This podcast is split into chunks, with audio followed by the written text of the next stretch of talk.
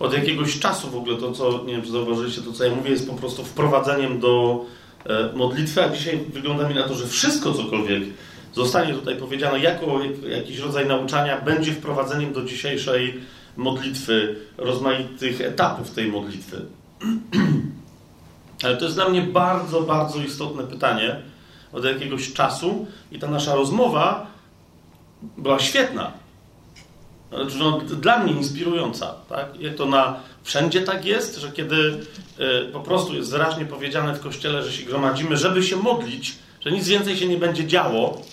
Nie wiem, czy słyszycie, to, nic więcej się nie będzie działo, tylko będziemy się modlić, że wtedy przychodzi najmniej osób.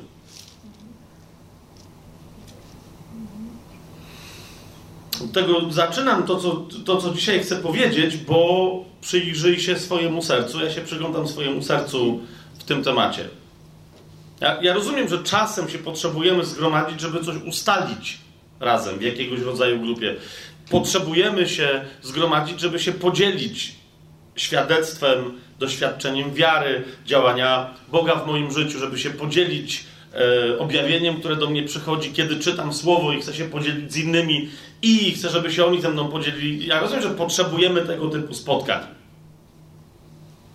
Ale odnoszę wrażenie, odnoszę wrażenie e, i ono trwa, że mamy coraz więcej gadania, coraz więcej wszędzie w kościele gadania o mocy i paradoksalnie coraz mniej modlitwy, kiedy ta moc miałaby się rzekomo objawiać.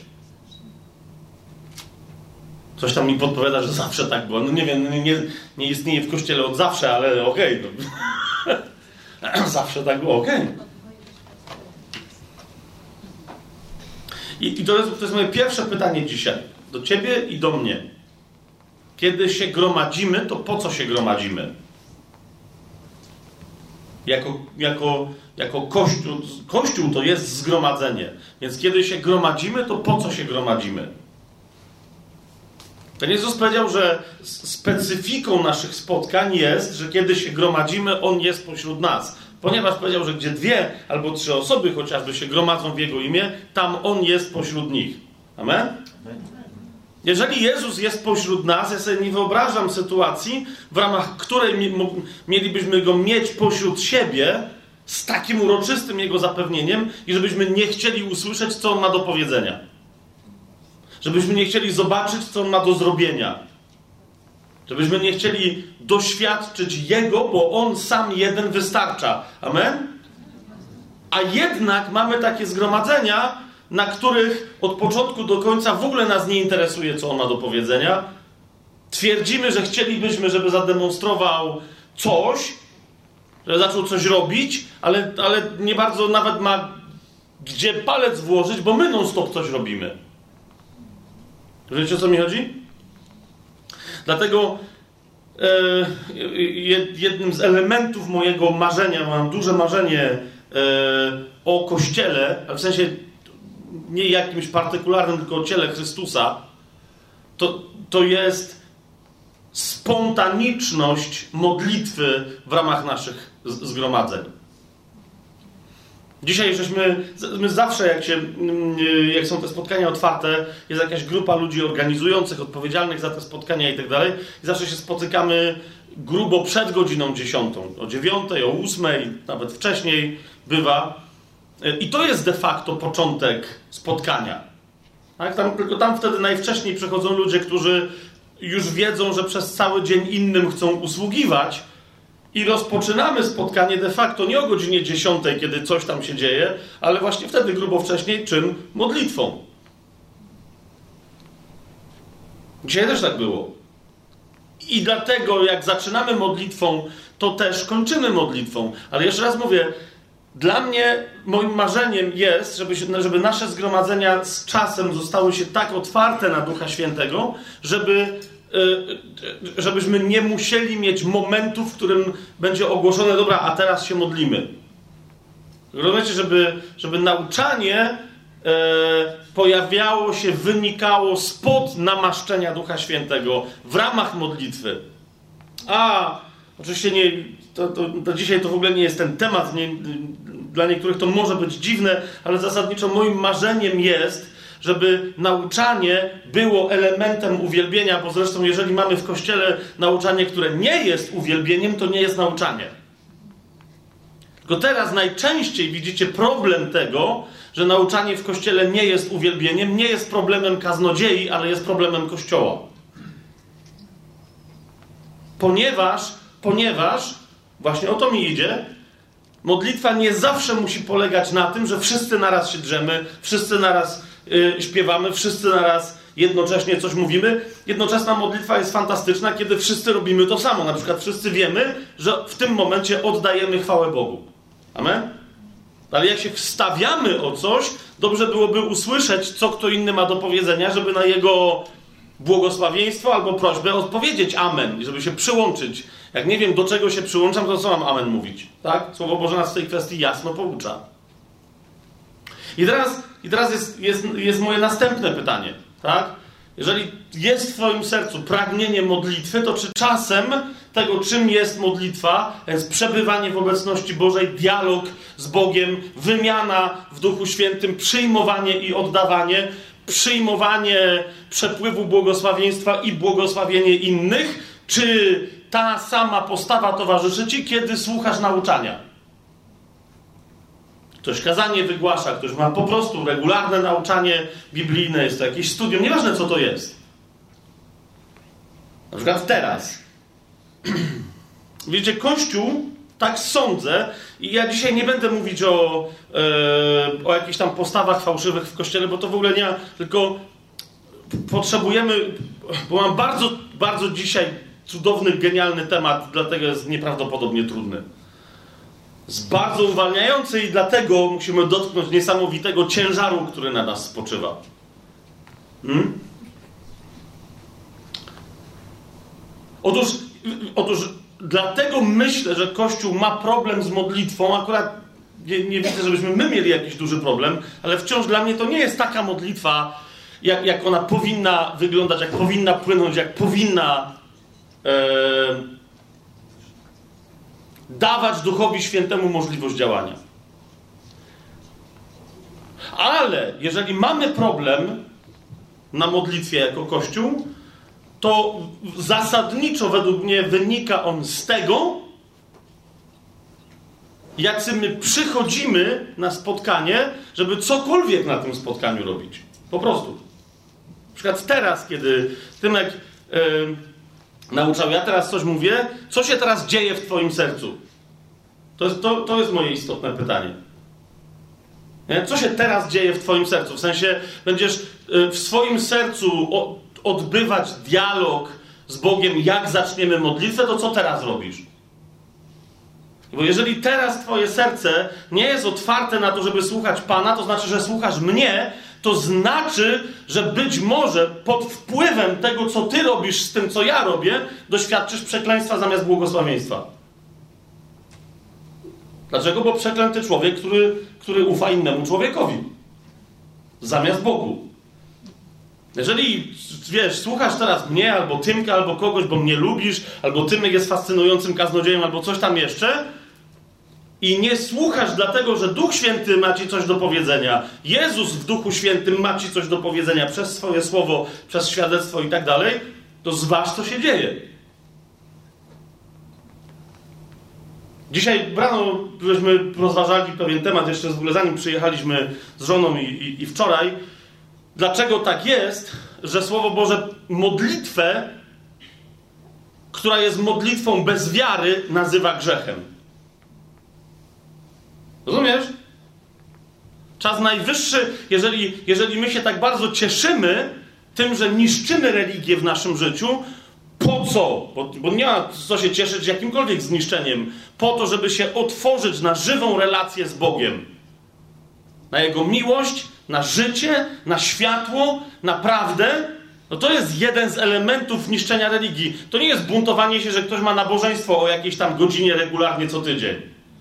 To nie jest buntowanie się, że ktoś gdzieś ma jakąś strukturę i ta struktura jest hierarchiczna i ta hierarchia przypomina babilońską piramidę. To są problemy, ale jeden z największych problemów religijnych zawsze jest zasadzony w nas.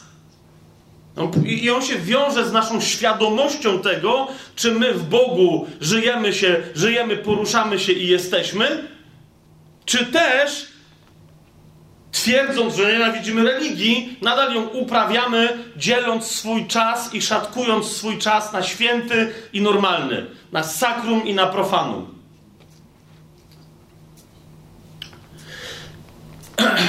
Mówię to dlatego, mówię to dlatego, żeby przebudzić Twoje serce, ponieważ tu dzisiaj to jest kolejna fascynująca dla mnie rzecz, jak chrześcijanie mają dziwne, podskórne, podświadome przekonanie, że wystarczy, że przyjdą we właściwym czasie do właściwego miejsca, czyli na jakieś zgromadzenie chrześcijańskie, nabożeństwo, cokolwiek, takie spotkanie jak mamy dzisiaj, że wystarczy, że tam przyjdą i że zasadniczo to ich automatycznie uwolni od obecności złego ducha, na przykład.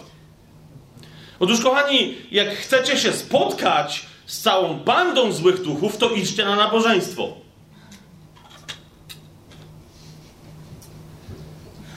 Okej, okay, obserwuję teraz twarze, to jest takie. Hmm, to widzę, że profesjonaliści teologiczni teraz na mnie spojrzeli. Co? eee, gdzie diabeł, gdzie diabeł ma rzucić swoje bataliony i dywizje do walki, jeżeli nie tam, gdzie gromadzi się jego wróg.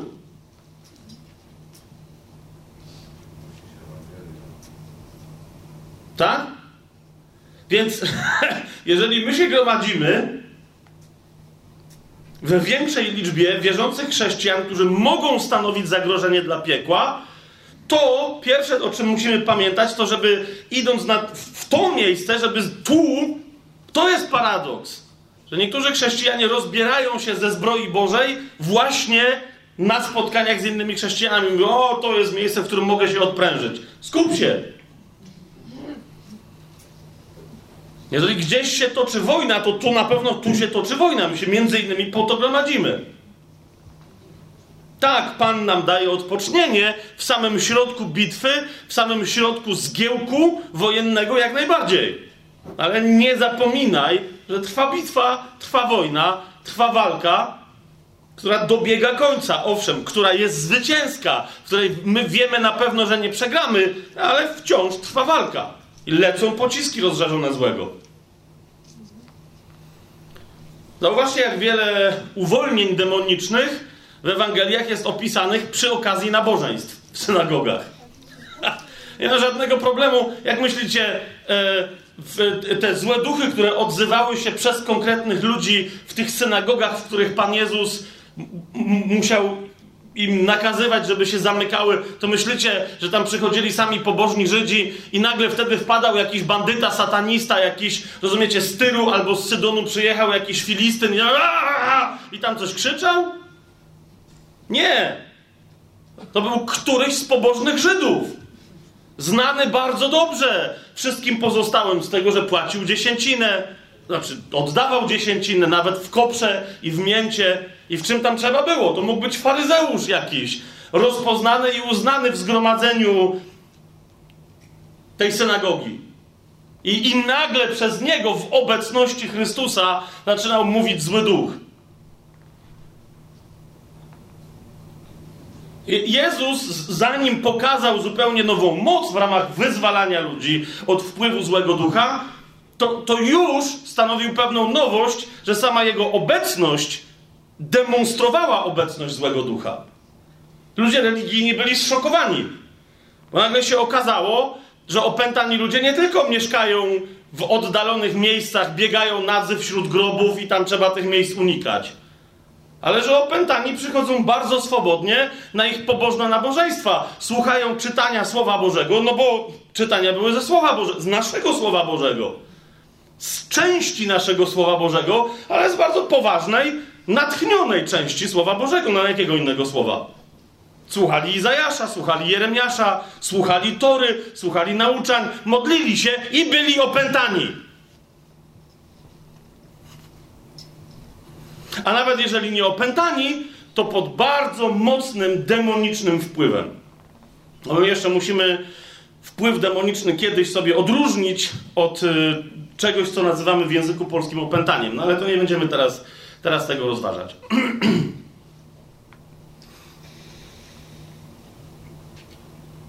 Dla wielu ludzi wręcz usprawiedliwieniem jest, że są na chrześcijańskim zgromadzeniu, że biorą udział w jakichś chrześcijańskich spędach i sami przed sobą mówią dokładnie to, co Pan Jezus mówi, że faryzeusz mówił przed Bogiem w świątyni. Boże, dzięki Ci, że nie jestem jak tamci bezbożnicy. Bo chodzę regularnie do zboru. Jestem na nabożeństwie. Pastor w życiu mnie nie upomniał, że już dawno mnie nie widział. No i? No i? Mówię cały czas to, co mówię, ponieważ będziemy dzisiaj się bardzo konkretnie modlić o uwolnienie od przekleństwa. Tu, w tym chrześcijańskim zgromadzeniu, to będzie też możliwe, bo, bo to wszystko też nagrywamy, więc prawdopodobnie to też opublikujemy, ale nie, nie, to będzie wszystko rozeznawane. To nie jest tajemny plan. Niemniej być może, ale to dzisiaj jest okazja dla ciebie, dla mnie, żeby się pomodlić o wolność od przekleństwa. Zrobiłem wstęp, ale teraz jak powiedziałem, że będziemy się modlić o uwolnienie od przekleństwa, to niektórzy już pewnie się zastanawiają, jak to, jak to my jeszcze jakiemuś przekleństwu podlegamy. Kto zna list do Galacjan Pawła wie, że tak, ponieważ Dzisiaj już Tymek mówił o, o, o dwóch szawłach, o dwóch szaulach, Beniaminitach. Przekleństwo, jak tyczyło się ludzi, którzy byli i wypełniali pod prawem mojżeszowym i zdawało im się, że świetnie je wypełniają, tak również może przydarzyć się wyznającemu imię Boże chrześcijaninowi czy chrześcijance. Dlaczego? List do Galacjan to wyjaśnia. Ten sam list do Galacjan, który mówi o tym, że jesteśmy wolni od przekleństwa, jednocześnie przypomina, że ktoś może się zwolnić z błogosławieństwa i wtedy automatycznie może wrócić pod przekleństwo. Czy otworzycie list do Galacjan, czwarty rozdział?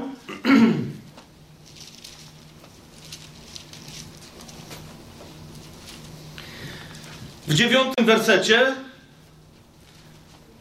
no Paweł odwołuje się do jednej chociażby praktyki, jednej z wielu praktyk, którą, przy okazji której ostrzega Galacjan, że właśnie rezygnują z błogosławieństwa i wracają pod przekleństwo, które będzie działać. W czwartym rozdziale, w dziewiątym wersecie mówi teraz, gdy poznaliście Boga, a raczej gdy zostaliście przez Boga poznani, jakże możecie ponownie wracać do słabych i nędznych żywiołów, którym ponownie chcecie służyć. To jest kluczowe słowo. Jak możecie wracać do słabych i nędznych żywiołów, którym ponownie chcecie służyć? Wy, którzy wyznaliście, że Jezus jest Panem, a więc wyznaliście, przyznaliście i zdecydowaliście się, żeby służyć tylko i wyłącznie Jezusowi, jak teraz możecie się od Niego odwracać, żeby służyć czemuś, co jest martwe, ale będąc żywiołem, może Wam zaszkodzić? Ogień nie jest osobą, ale jak wpadniesz w lawę, to zginiesz. Ogień nie jest osobą, ogień jest martwy, ale jak zostaniesz w płonącym domu w czasie pożaru, to tam się spalisz. Woda nie jest żywa, woda jest martwa, ale jak wpadniesz do głębokiej wody i nie umiesz pływać, to się utopisz. I dokładnie o tym mówi Paweł. Przez wyjście spod służby Jezusowi, kiedy się jest tym, kto zaznaczył, zdecydował, postanowił i wyznał, że służy tylko i wyłącznie Jezusowi przez samowolną rezygnację z tej służby, zaczynasz siłą rzeczy służyć komuś albo czemuś innemu, nawet jeżeli to nie jest szatan we własnej osobie, to zaczynasz mieć problem.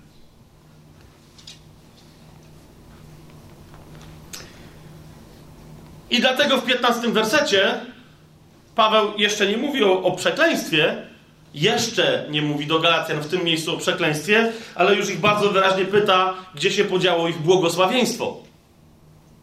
Gdzie więc się podziało to wasze błogosławieństwo? P pyta.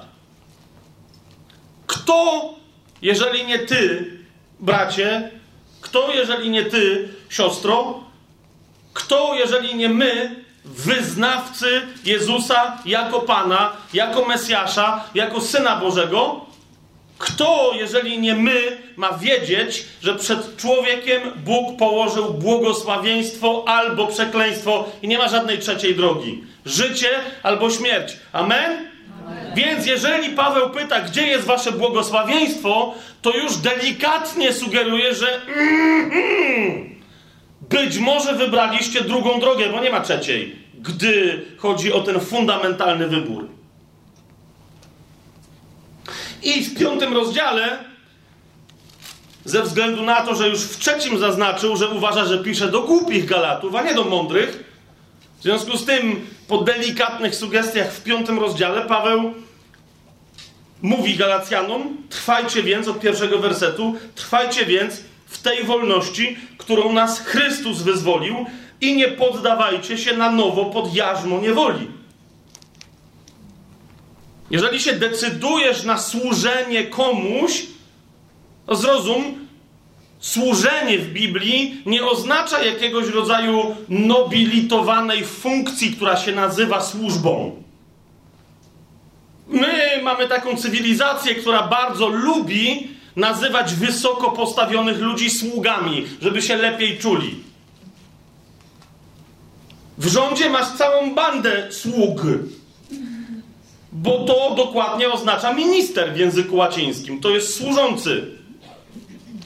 Rozumiesz? Każdy minister, więc masz kogoś, kto powinien służyć temu krajowi w ramach spraw wewnętrznych, w ramach kontaktów zagranicznych, w ramach tam czegoś, służby zdrowia i tak dalej, i tak dalej. No ale każdy wie, że jak przyjechał minister, to to nie jest gość, który tobie zawiąże rzemyk u sandałów, tylko jemu trzeba dać jeść, pić, żeby cię czasem nie obłożył jakimś ekstra podatkiem albo akcyzą. Nie? Biblia jest jasna w tej kwestii. Jeżeli ty jesteś sługą, a nie masz. Rozumiesz, przyjdzie czas, kiedy Pan Jezus wróci na ziemię, przyjdzie czas, że my będziemy razem z Nim współkapłanować i przyjdzie czas, że my będziemy razem z Nim współkrólować. Przyjdzie czas naszych rządów. On nadciąga, Pan Jezus powiedział bardzo wyraźnie, że On nadciąga dla kogo? Dla tych, którzy będą wierni w rzeczach małych, jako teraz absolutni słudzy. Bo teraz mamy robić dokładnie to, co Pan Jezus robił, kiedy pierwszy raz przyszedł na ziemię. Powiedział wyraźnie, że nie po to, żeby Jemu służono, ale żeby On usłużył. I dlatego, kto jest wierny w rzeczach małych, tego, Pan Jezus powiedział, nad wieloma miastami postawię. Mhm. Witam czcigodne zgromadzenie potencjalnych burmistrzów i innych wojewodów. Jedna osoba wie, że będzie burmistrzynią na pewno. Aleluja! Witam prezydentów miast. Bardzo jest mi miło. Chociaż niektórzy tam widzę, że tak raczej się podrapują, nie wiedzą, czy sołtysem gdzieś zostaną. Fantastyczny moment, żeby to rozważyć. Otóż sługa, i my nie mamy w tej chwili żadnej innej możliwości, albo jest sługą, który de facto przez ten jedyny wyjątkowy rodzaj niewolnictwa jest absolutnie wolny, a więc albo to jest sługa, który jest niewolnikiem Jezusa, i jak Paweł się nam przedstawia osobiście w Słowie Bożym, w liście do Rzymian, w pierwszym jego osobistym tekście przedstawia siebie nie jako apostoła, nie jako kaznodzieję, nie jako nauczyciela, nie jako kogokolwiek, ale jako kogo? Jako niewolnika Chrystusa. Mówi Paweł, niewolnik. Dulos. A więc albo jesteś w tym jednym, jedynym niewolnictwie, które de facto gwarantuje ci kompletną wolność, albo jesteś autentycznie niewolnikiem czegokolwiek innego. Po prostu. I jako chrześcijanin, zaraz sobie więcej o tym powiem, czy jako chrześcijanka, nie udawaj i naprawdę zderz się ze Słowem Bożym, nie udawaj, że nie, no nie, no nie, nie. Albo jesteś niewolnikiem Chrystusa i to daje ci kompletną wolność, wolność do pełnienia woli Bożej, albo jesteś niewolnikiem czegoś lub kogoś innego. Nie jesteś od momentu usprawiedliwienia z łaski przez wiarę. Nie jesteś i nigdy nie będziesz niczyją własnością, tylko Chrystusa. Amen? Nigdy. I dlatego nigdy chrześcijanin nie może być w dosłownym sensie opętany, bo opętanie jest pewnego, jest wzięciem w posiadanie. Definicyjnie. Tak? Więc chrześcijanin nigdy nie będzie opętany i my nie o tym teraz mówimy. Ale tym większy jest dramat takiego chrześcijanina, który nie jest, nie jest niczyją inną własnością, tylko Chrystusa. I jako taka własność jest zapieczętowany na dzień Jego przyjścia. Pieczęcią, której nikt nie może zedrzeć, bo to jest pieczęć Ducha Świętego. Kto do Ducha Świętego podejdzie i zedrze? Kto zedrze Ducha Świętego?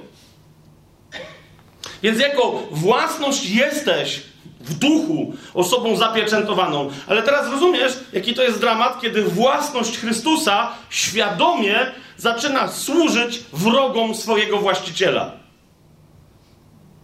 Wtedy, jak pisze Paweł do Tymoteusza, na przykład o ludziach, którzy, yy, którzy kochają bogactwa, mówi: Ci sami siebie już przebili wieloma boleściami. To jest to. Jest to. A więc Paweł mówi, piąty rozdział, pierwszy werset listu do Galacjan, trwajcie więc w tej wolności, którą nas Chrystus wyzwolił i nie poddawajcie się na nowo pod jarzmo niewoli. Dokładnie to samo Paweł mówi do Koryntian, kiedy pisze, mówi, wszystko mi wolno, ale nie wszystko przynosi mi korzyść. Pamiętacie to? Wszystko mi wolno, ale ja niczemu nie poddam się w niewolę. Bo Paweł mówi, że wielu chrześcijan, kiedy mówią, że wszystko im wolno, zaczynają robić rzeczy, które ich zniewalają, uzasadniając tę swoją niewolę, że przecież mi wolno. Zastanów się dobrze. Kiedy Paweł mówi, wszystko mi wolno, ale nie wszystko przynosi mi korzyść, i tu się, i tu się cytat kończy. I tu niektórzy no, czyli tyle. Tu nie mam za dużej korzyści, ale nie, nie, nie. Rozumiesz, bo jeżeli coś nie przynosi ci korzyści, to Paweł mówi, to jest coś, co prawdopodobnie weźmiecie w niewolę. Nie ma, nie ma trzeciej drogi pomiędzy korzyścią duchową, a byciem zniewolonym duszewnie. Nie ma żadnej trzeciej drogi. Albo jesteś duchową, albo jesteś zmysłową osobą. Nie ma żadnej trzeciej drogi. Albo budujesz wewnętrznego człowieka, albo hołubisz zewnętrznego, a ten niszczeje. Oto ja, Paweł, drugi werset piątego rozdziału listu do Galacjan, oto ja, Paweł, mówię wam, że jeśli dacie się obrzezać, Chrystus na nic się wam nie przyda. Tu niektórzy e, te fragmenty potem podnoszą i się zaczynają kłótnie, czy zbawienie jest utracalne, czy nieutracalne. Zwróćcie uwagę, że Paweł w ogóle nie mówi tutaj o zbawieniu, ale właśnie mówi o aktualnie odnoszonej korzyści z tego, że jesteśmy Chrystusowi. Jasne jest to, co mówię? On nie mówi, że stracicie Chrystusa i wszystko to, co Chrystus dla was wysłużył. I wszyscy... Nie, ale Paweł mówi, ale Chrystus na nic się wam teraz w tym życiu nie przyda. Na końcu się może okazać, że macie nadal w sobie fundament Chrystusa, jak pierwszy do Koryntian trzeci rozdział mówi, ale to, co budujecie na tym fundamencie, nie przejdzie przez ogień. Spłonie jak słoma, jak śmieci, jak drewno. A oświadczam raz jeszcze każdemu człowiekowi, który daje się obrzezać, że jest zobowiązany wypełnić całe prawo. Pozbawiliście się Chrystusa wszyscy, którzy usprawiedliwiacie się przez prawo. Wypadliście z łaski.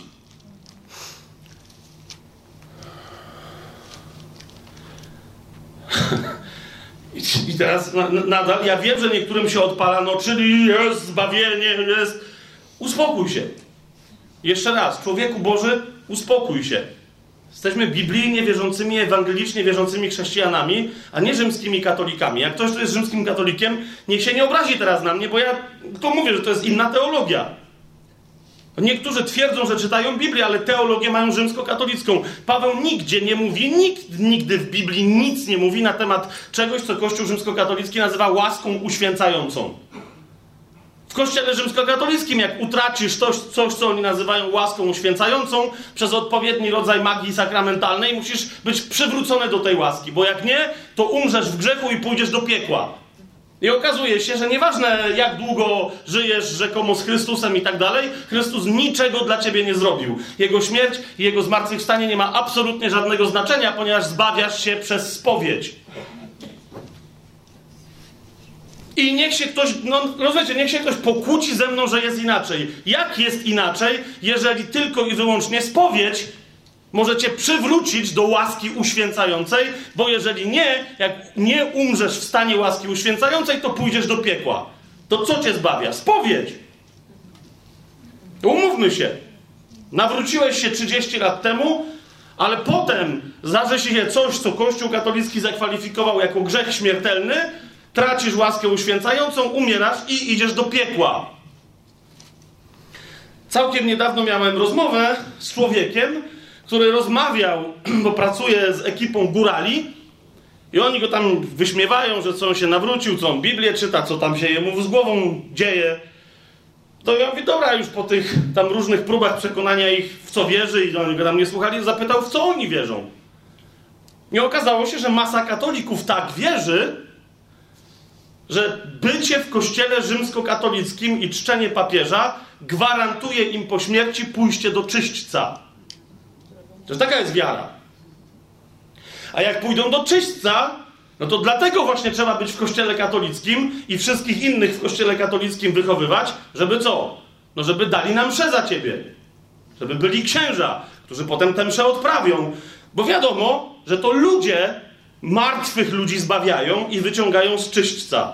Czczą Matkę Boską, a Matka Boska w pierwszą sobotę miesiąca przychodzi i wybranych wyciąga z czyśćca do nieba. Mamy tutaj parę osób z Kościoła katolickiego, niektórych jeszcze wciąż tam e, będących, to mogą potwierdzić. Ja tylko troszeczkę teraz upraszczam, w zasadzie nawet nie wiem, czy to jest jakieś wielkie... Up... Nie, nie upraszczam, tak jest. I teraz ten im powiedział, mówi, ej, ale to wy nawet, to wy nawet rzymskimi katolikami nie, i górale się przestraszyli.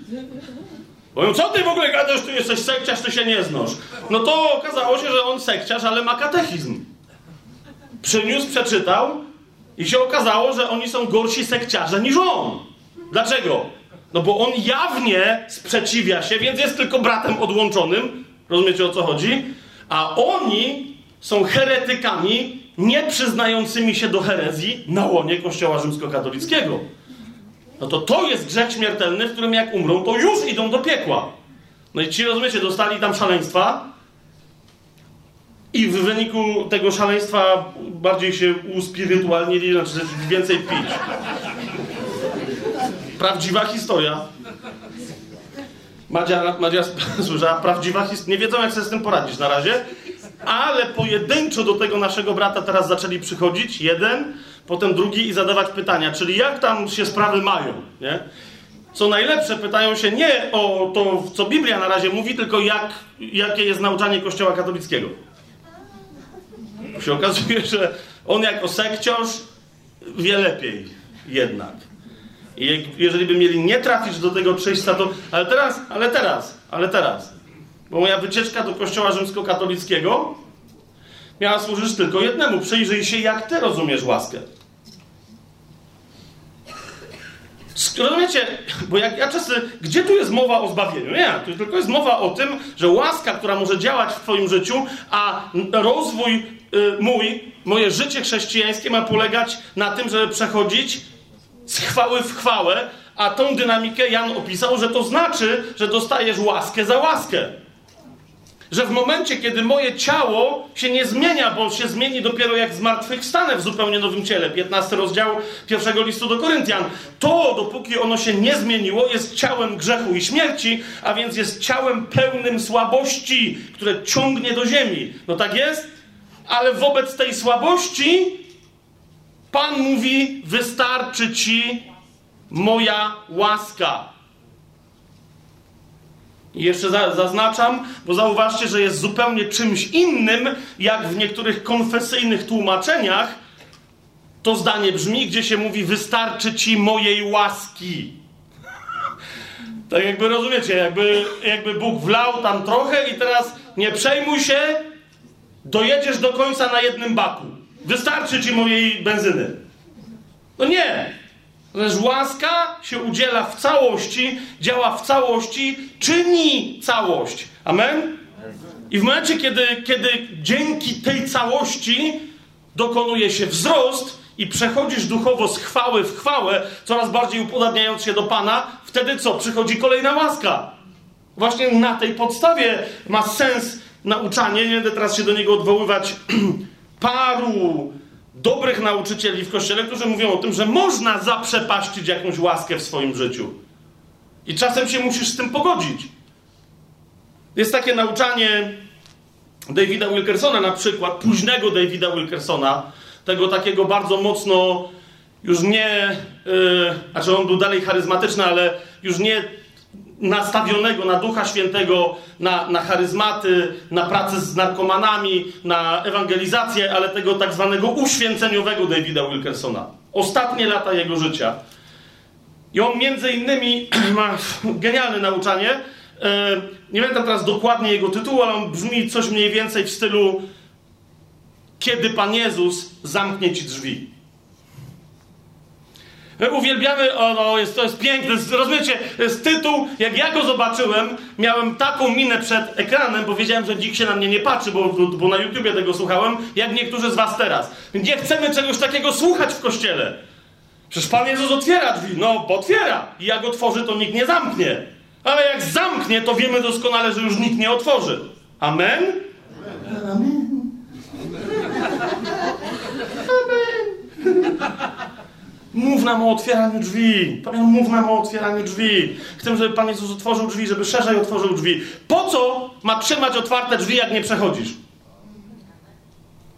Więc drzwi są otwarte. Jak przejdziesz, to się otworzą następne, potem ci otworzy następne, ale jak nie przejdziesz, to będzie ci je zamknie. I cię przesunie, a otworzy je komuś innemu. I jeszcze raz, zanim pójdziemy dalej, musisz rozumieć, tu, w momencie, kiedy mówimy, że się pozbawili, Paweł pisze do Galatian, że się pozbawili Chrystusa, że wypadli z łaski, to on mówi dokładnie o tym. Zaczynacie sami siebie zbawiać. Jak w liście do Filipian mówi, z bojaźnią i z drżeniem sprawujcie swoje zbawienie, to właśnie o to mu chodzi. Uważajcie, żebyście nie zaczęli polegać na prawie jakimkolwiek, a mieli nadal łączność z łaską. Łączność. Nawet uważaj, żebyś czasem łaski nie pomylił z Panem. Rozumiesz o co mi chodzi? Ponieważ Pan mówi: Wystarczy ci moja łaska, a nie wystarczy ci łaska. Łaska zasadniczo masz pewność, że ją masz i w niej postępujesz, i ona ci się może namnażać, czego życzy wszystkim Piotr w jednym ze swoich listów. Łaska, masz pewność, że w niej trwasz i że w niej idziesz, w momencie, kiedy wiesz, że wpatrujesz się w oblicze. Więc kiedy masz łączność z Panem. Kiedy masz z nim więź. Rozmawiałem ostatnio z jednym bratem i mi mówi, i mówi, wiesz co, coś jest nie tak. Wydłużyłem czas swojej codziennej modlitwy, Fabian, i czuję się jeszcze gorzej. Słyszycie informację? Znaczy, że się modlił codziennie, regularnie i nie czuł się dobrze. Wydłużył tę modlitwę i mówi, czuję się jeszcze gorzej. Klasyk! Zaproponowałem żeby se różaniec odmówił, a się zgorszył z początku, potem zrozumiał, że to jest sarkazm, bo... A potem, a okej, okay, żartuję. Nie, nie żartuję, to jest ciężki sarkazm, przyjacielu. Ciężki sarkazm. Bo teraz pomnoży, w sensie wydłużyłeś czas swojej modlitwy, ale pytam się, ale dlaczego? Bo miałeś tak fantastyczne spotkanie z Panem, że nie chciało ci się wychodzić z tej modlitwy, bo raczej z tego, co ty mówisz, to nie miałeś żadnego spotkania z Panem i teraz wydłużyłeś ten czas modlitwy, żeby sobie zasłużyć na spotkanie z Panem. To przecież nonsens. To jest tak, jakby ktoś powiedział, że zaczął więcej czasu spędzać z żoną, żeby kiedyś móc z nią pójść na randkę. To może dlatego ona z tobą nie chce iść na randkę, bo ten czas, który z nią spędzasz, jest taki dziadowski, że ona już ma dość.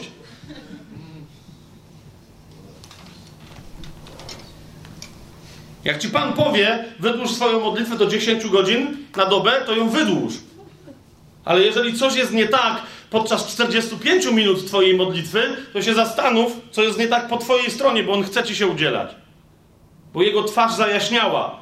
Już nie potrzebujesz błogosławieństwa Aarona, żeby jego twarz dopiero się objawiła nad tobą i żeby on się uśmiechnął i żeby zajaśniał i żeby ci pobłogosławił, bo przez niego zostaliśmy pobłogosławieni wszelkim duchowym błogosławieństwem na wyżynach niebieskich w Chrystusie. List do Efezjan. Amen? No więc, jeżeli wchodzisz na modlitwę i tam się nie dzieje coś, czego ty się spodziewasz, to jest twój problem, a nie jego. Przyjrzyj się swojemu sercu, co jest grane.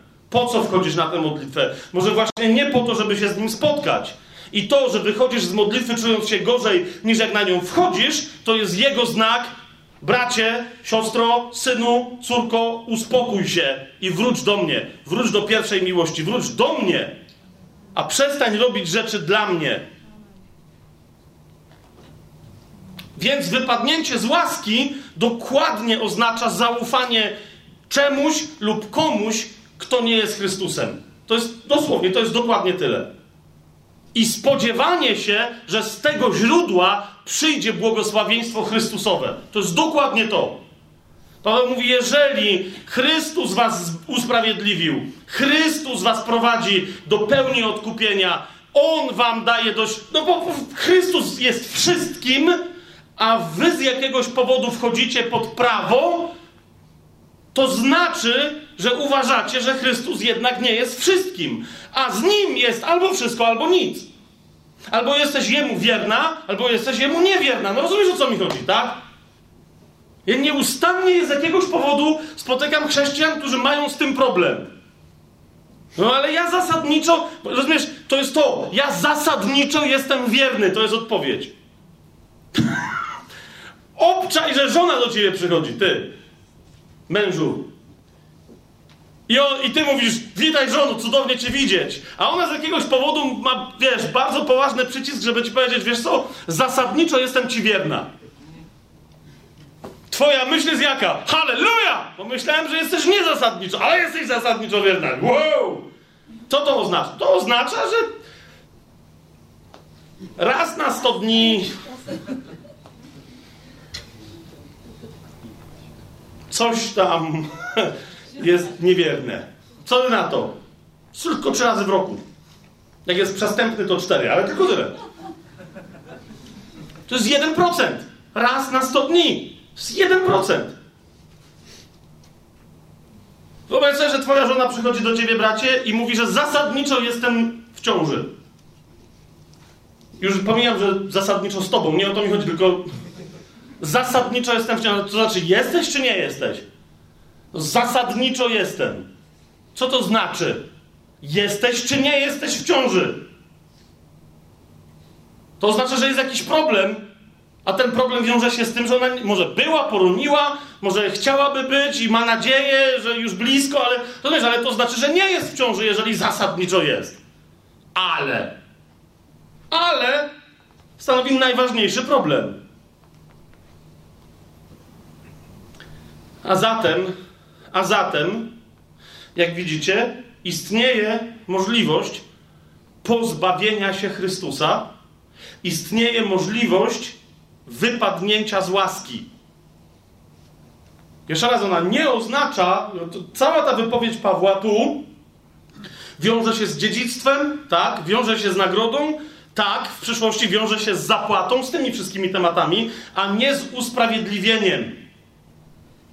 Jeszcze raz, nie mieszajmy tych faktów. Tu nie ma mowy o utracie usprawiedliwienia, bo nigdzie w Biblii nie ma mowy o utracie usprawiedliwienia. Gdyby Bóg był kimś, kto odbierał usprawiedliwienie, musiałby być dzieciobójcą. Ponieważ usprawiedliwienie nie jest tylko jakimś prawem przez ciebie i przeze mnie nabytym, ale jest nowonarodzeniem. Jest stworzeniem, spłodzeniem i zrodzeniem nowej istoty do istnienia. Zgadza się? Nie ma już mężczyzny ani kobiety, Żyda ani Greka, ani Scyty, ani kogokolwiek innego, kto by się odróżniał, ale jest tylko i wyłącznie w Chrystusie co? Nowe stworzenie. Tak? Gdyby Bóg miał odebrać ci usprawiedliwienie, co by musiał zrobić? Musiałby cię zabić jako nowe stworzenie. I, i to, tylko i wyłącznie to przywróciłoby cię do poprzedniego stanu. Tego jeszcze raz Nie da się, po prostu nie da się, kiedy ktoś patrzy całościowo na Słowo Boże, mówić o utracie usprawiedliwienia. Ale czy możemy mówić o utracie skutków tego, że jesteśmy usprawiedliwieni? Oczywiście, że tak. Słowo Boże bardzo wyraźnie mówi, że jednym wejście do królestwa będzie dane hojnie, a innym skąpo. Że jedni wchodząc do królestwa i idąc przez ogień, przez który wszyscy muszą przejść, a niektórzy, niektórzy w nim zostać.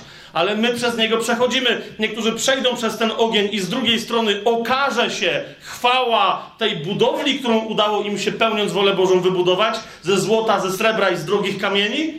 A inni przejdą na drugą stronę i jak mówi Słowo Boże, będą zbawieni, ale jakby przez ogień, to znaczy wyjdą goli. I będą zbawieni, ale będzie wstyd. Dopiero co.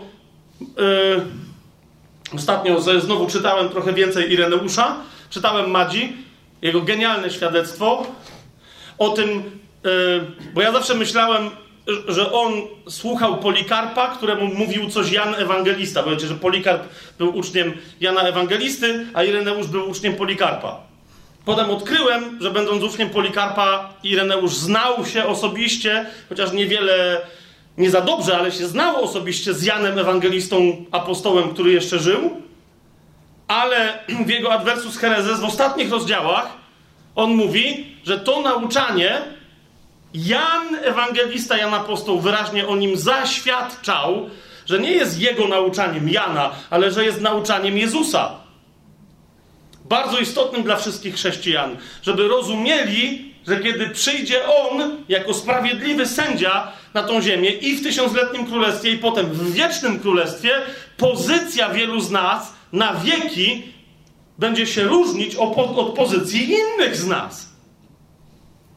Jak czytamy Księgę Objawienia i przestajemy wyznawać amerykańsko-angielski protestantyzm teologiczny, który uważa, że tu jeszcze jest monarchia lub prezydentura republika prezydencka, ale w niebie będzie wreszcie prawdziwa demokracja i że tam już wszyscy będą równi, to nie, korzystajcie z równości teraz, bo tam wszyscy będziemy równi w kochaniu, ale nie równi w dostępności do pewnych dóbr. Jeżeli tego nie zrozumiemy, nigdy nie zrozumiemy Księgi Objawienia, który mówi wyraźnie, że na wieki kto inny będzie mieć dostęp bezpośrednio do, do tronu, ojca i baranka? Kto, kto inny w związku z tym będzie mieć dostęp, a więc i zamieszkiwanie w świętym Jeruzalem wstępującym z nieba, a ktoś inny będzie bez wstępu tam wciąż bardzo szczęśliwie mieszkać, ale tylko i wyłącznie na ziemi. A jeszcze ktoś inny tam będzie mieszkać i to będzie mieszkać rządzony, a nie będzie rządzić. Zwróćcie uwagę, że po wiek wieków jest potrzebne to cudowne drzewo, które ma liście, które co robią? Uzdrawiają narody. A? To ciekawa historia. Jak ostatnio słuchałem, to mi się bardzo spodobało, wypowiedzi jednego apologety, nie pamiętam jak on ma na imię, polskiego pochodzenia, w sensie jego rodzina jest polskiego pochodzenia, nazywa się Turek, nie wiem czy kojarzycie. E, tak, tak, nie pamiętam jego imienia, ale taki bardzo, e, trochę jak Rabi e, Zacharias, tak występuje, wiecie, broniąc e, Biblii, wiary chrześcijańskiej i tak dalej. E, no i właśnie tam ktoś go zaatakował, że chrześcijańska koncepcja nieba jest taka trochę przygłupia. On odpowiedział, no ale rozumiem, że atakując chrześcijańską koncepcję nieba, wiesz, że nasza koncepcja nieba to jest nowa ziemia.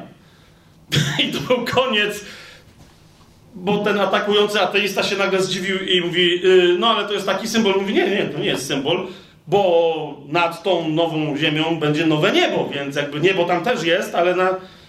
I on mówi, a to ja nie wiedziałem. Mówi, no to doczytaj, to będziemy potem rozmawiać. Uśmiechnąłem się dlatego, bardzo mi się to spodobało, bo kamera tak troszeczkę niechcący pokazała e, rząd ludzi, którzy tam ewidentnie bili brawo, więc byli chrześcijanami, którzy być może zorganizowali tę konferencję i oni byli równie zdziwieni jak, ten, zdziwieni jak ten ateista. Oni byli takie what, what, what, what? Co tam się stało? Nasze niebo to jest ziemia? To czytaj Biblię jeszcze raz. I, I, jeszcze raz, absolutnie nie głosimy tego, co świadkowie Jehowy. To im się wszystko pochrzaniło. A potem, jak im się pochrzaniło, to jeszcze im ktoś pochrzanił. Nie będę w to wchodził teraz. Ale są też na sali, przynajmniej byli świadkowie Jehowy i badacze Pisma Świętego, to, to, to ci wam mogą potem wytłumaczyć, o co chodzi. A zatem w liście do Galacjan w piątym rozdziale i w wielu innych tego typu miejscach Paweł mówi o pewnym problemie, który, który może się stać Twoim i moim udziałem, i przypuszczam, że się już stał jakoś, kiedyś przynajmniej w jakimś czasie Twojego życia Twoim y, udziałem i moim też. To, to jest, że przez przylgnięcie i zaufanie czemuś, co nie jest Chrystusem, albo komuś, kto nie jest tylko i wyłącznie Nim, odpadamy od Chrystusa i niechcący wpadamy w przekleństwo. Dlaczego? Jak sobie otworzycie trzeci rozdział listu do Galacjan, Paweł tam bardzo wyraźnie mówi, bowiem co zrobił Chrystus i w jakim stanie my trwamy, kiedy trwamy przez Niego, z Nim i w Nim. W trzecim rozdziale, w trzynastym wersecie i dalej Paweł mówi, Chrystus odkupił nas z przekleństwa prawa nie tylko sprawa o tym, że wyszliśmy, że Chrystus jest wypełnieniem, są inne historie, ale zrozum, jednym z aspektów prawa mojżeszowego była demonstracja przekleństwa. Dzisiaj sobie troszkę więcej tego pokażemy.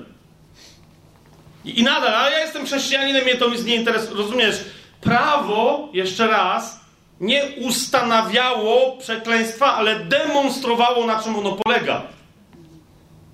I, a druga rzecz, fakt, że kiedyś udało ci się powiedzieć, Jezus jest Panem, no ja myślę, że każdego dnia my wciąż za mało jesteśmy Bogu wdzięczni, za mało dziękujemy za to, że jesteśmy zbawieni. Za mało to rozumiemy, jak to jest nieogarniona, nie do pojęcia, paradoksalna historia, że ja jestem zbawiony i że ty jesteś zbawiony i że ty jesteś zbawiona. Mam za mało wciąż wdzięczności z tego powodu.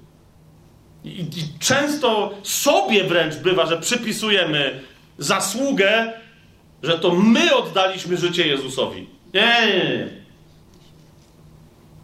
Ale, ale, kiedy z niego rezygnujemy po tym cudownym wydarzeniu w naszym życiu, to wtedy gdzie wracamy?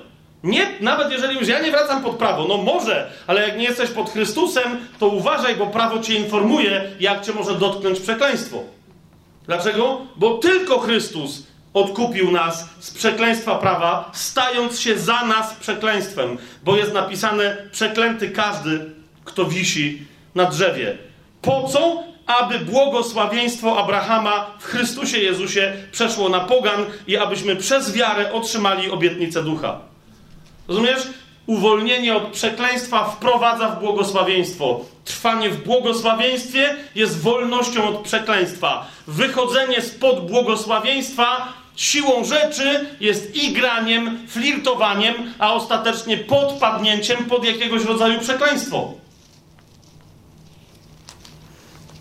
Pokazałem mechanizm i nie będę go więcej yy, yy, roztrząsał, Szło mi tylko o to, żeby te różne koncepcje religijne, którymi się bronimy, to jest kolejna rzecz, że my jako chrześcijanie sobie wymyślamy jakieś tezy rzekomo biblijne, jakieś, jakieś twierdzenia teologiczne, żeby się nie musieć skonfrontować ze swoją nędzną postawą i z potrzebą kolejnego nawrócenia. Że wymyślamy jakieś takie tezy, które mają automatycznie coś załatwić. Ale ja jestem pod łaską. No i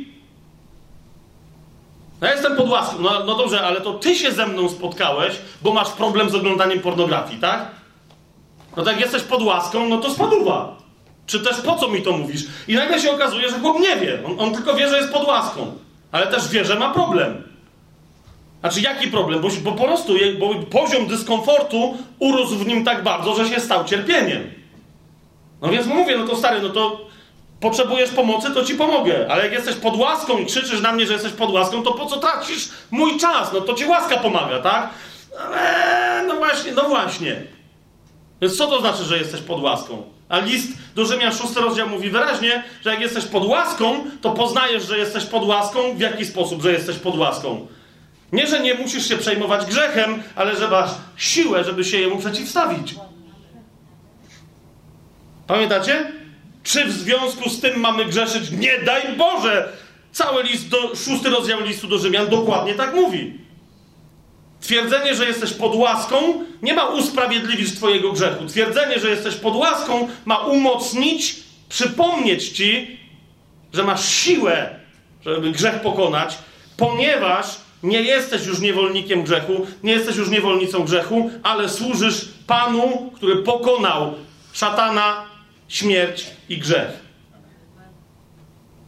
No ale właśnie, jak przestajemy służyć, kwestia posłuszeństwa, widzisz, jest tu niezwykle istotna, wtedy pojawia się problem. Teraz troszeczkę wyskoczę na chwilę z Biblii i dotknę Twojego i mojego doświadczenia, bo czasem ludzie mnie pytają, ale tam, wiesz, przekleństwo.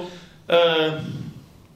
Podam Wam parę cech, które nie stuprocentowo, ale prawie stuprocentowo, zwłaszcza w pewnych kontekstach, prawie stuprocentowo zapalają mi zawsze czerwone lampki, że ktoś się znajduje pod przekleństwem. Rozmawiam na przykład z jakąś siostrą i ona mi mówi, że ona ma problem ze snem od już bardzo długiego czasu. Komu miała przebaczyć, to przebaczyła, nie ma żadnych problemów, nie, nie, nie martwi się o przyszłość, jest zabezpieczona materialnie i ma problem, nie może spać. Nie, że ma insomnię, ale zawsze boli ją głowa, budzi się w nocy, nie, albo nie może zasnąć, albo nie, jak już zaśnie, to, to się wcześniej budzi i potem nie może spać. Każdy rodzaj chronicznej choroby albo cierpienia fizycznego, uważaj, zwłaszcza taki, z którym idziesz do lekarza, już pomijam tych, co przez wiarę 10 lat coś uzdrawiają i dalej nie mogą uzdrowić. Tak? Ale po prostu idziesz do lekarza, chociażby po to, żeby wiedzieć, co ci jest. Znam ludzi, którzy żyją zdrowi, ponieważ przez wiarę biorą sobie to zdrowie z nieba. Ale regularnie chodzą do lekarza, jak im się coś dzieje, żeby wiedzieli, co mają wziąć z nieba. Reinharda na przykład znacie? Gość miał w swoim życiu różne rzeczy, miał zniszczone kolano, także nie mógł chodzić, miał białaczkę, miał jakiegoś tam raka, rozumiecie, z wszystkich tych rzeczy został uzdrowiony. Ale zawsze jak mu się coś działo, szedł do lekarza, żeby wiedzieć, co świat stawia mu jako diagnozę. I wtedy szedł do Pana, wtedy wiedział, że jest słaby nie dlatego, że za mało ćwiczy, tylko dlatego, że krew mu nie działa dobrze. Tak? Więc jeżeli idziesz do lekarza, a tam się okazuje, że postawienie diagnozy wobec Twojej chronicznej słabości, Twojej chronicznej choroby i tak dalej, a tam postawienie diagnozy jest trudne z jakiegoś powodu albo niemożliwe, albo pada jakaś diagnoza, ale Ty widzisz, że to jest BS, że tak naprawdę ten lekarz nie wie o co chodzi, tylko coś Ci mówi, żeby nie wyszło, że nie wie, bo płacisz 150 zł za wizytę, tak? Więc jeżeli tak czy inaczej widzisz, że nie ma diagnozy i świat nie bardzo się w stanie zorientować, dlaczego tak jest, a tobie się regularnie coś powtarza, to wiecie, to jest przykład kobiety, która cierpiała na krwotok. Tak? Mówiąc dla niektórych, bo, bo widzę, zwłaszcza dzisiaj, wybaczcie mi panowie, ale młodzi mężczyźni y, bywają zszokowani tak, tego typu sytuacjami. Nie wszyscy, Dawid nie jest w ogóle zszokowany, też żona go tylko okryła kocem. Otóż kobieta, która cierpiała na krwotok, miała okres, który się jej nie kończył w ogóle, ani na jeden dzień, non-stop przez 12 lat. To, to jest dokładnie to, co Biblia ma na myśli. Ok? Jak ktoś z Was ma żonę, czy chociażby narzeczoną i już wiecie, że to może być pewien problem dla kobiety, to sobie teraz wyobraźcie, że ten problem trwa non-stop. Nie ileś tam dni w tygodniu, tylko trwa 12 lat.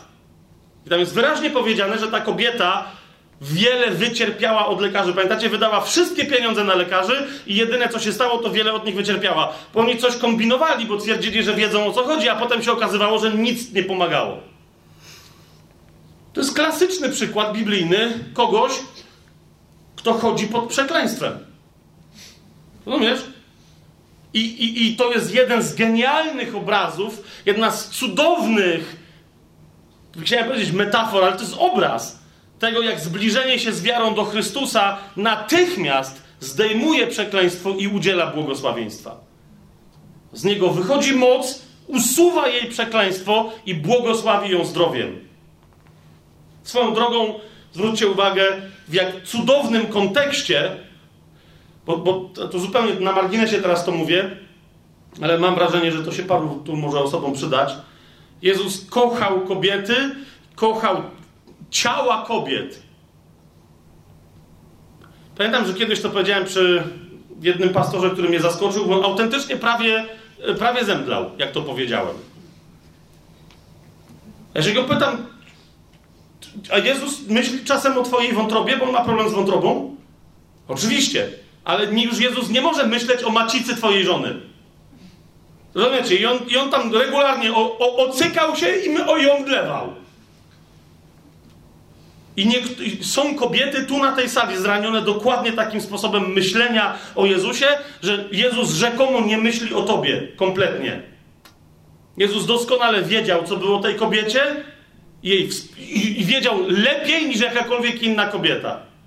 A zauważcie, zwłaszcza w jednym opisie jednej Ewangelii, ale wszystkie inne to wyraźnie sugerują, że w tym momencie, kiedy uzdrawia Jezus tę kobietę, która do niego podchodzi z okresem trwającym 12 lat, gdzie Jezus idzie? Jezus idzie do córki Jaira, która jest dziewczynką, która prawdopodobnie też ma 12 lat, ponieważ jest jeszcze nazywana dziewczynką. Ok? Ale nie dzieckiem.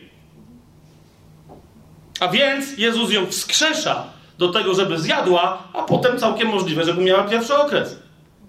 I żeby przestała być dziewczynką i zaczęła być kobietą. Patrzcie, co się teraz dzieje, jak ja mówię o takim. To jest jeden z elementów przekleństwa w kościele. Jezus się troszczy o ciebie całkowicie. Całkowicie. Jezus się. A teraz, teraz coś dopiero powiem. Teraz to będzie dopiero. Jezus się troszczy o Twoje nasieniowody, bracie. Dobra, jeden powiedział amen, a drugi się zapadł. No, kiedyś jeden, jedna, jedna siostra do mnie przyszła i mówi, że miała słowo poznania, ale bała się powiedzieć to słowo, bo brzmiało nasieniowód. I to wiesz, no to są słowa święte i możesz, wiesz, jakby Jezus kolan może uzdrawiać bez liku, ale tutaj tam się nie, niech się nie zapędza. Ja gromię Jezusa w imieniu Jezusa, żeby się tam nie zapędzał. Jeszcze, jeszcze raz, kochani, musimy się poprzy... Rozumiesz, zobacz, co się dzieje. Zobacz, co się dzieje. Rozumiesz, wszystko to, co jest związane ze wstydem. Te, oczywiście, że są pewne aspekty naszego życia bardziej i nie z wszystkim mamy się obnosić jak jacyś, rozumiecie, neochrześcijańscy, neoekskibicjoniści. Nie o to idzie. Ale zobacz, na co pozwalasz Chrystusowi w swoim życiu. Gdzie dopuszczasz Jego łaskę. I fizycznie, i emocjonalnie, i duchowo też. Więc choroba jakiegokolwiek rodzaju, notoryczna, ciągnąca się, której brakuje diagnozy. Twoja albo kogoś tobie bliskiego. Przyjrzyj się temu. Ktoś powie, ale to nie do końca jest choroba, to tak jak ta siostra mówi, no ale to ja nie dosypiam, to ja to ofiaruję Panu jako cierpienie. No to widać w kościele katolickim z powrotem, z którego dopiero coś wyszła i mówisz, że nienawidzisz tego cierpiętnictwa. I ona mówi, o, no rzeczywiście. Po, po co Jezu? Rozumiesz, ty specjalnie nie śpisz i czuwasz w nocy i to oddajesz Jezusowi? Czy skoro już i tak nie możesz spać, to z łaski oddajesz to Jezusowi? No co robisz? Rozumiesz, o co mi chodzi? Tak jak jeden gość powiedział też mi ostatnio, na kolonoskopie szedł, dwa dni nie jadł i w związku z tym ten post oddał Jezusowi. O, stary! A ja wyobraź sobie, oddaję Jezusowi mój post, w ramach którego od urodzenia nie jeżdżę Jaguarem. Rozumiesz? Po prostu. Ty, Panie Jezu, to dla Ciebie. Nie jeżdżę również Bentleyem. Zrezygnowałem z McLarena. Dosyć świadomie. Dosyć świadomie. A teraz to tym bardziej, no nie, no teraz nawet jakbym dostał McLarena, to przecież znowu wstyd. Co chrześcijanie powiedzą, trzeba by było go sprzedać. Choroba.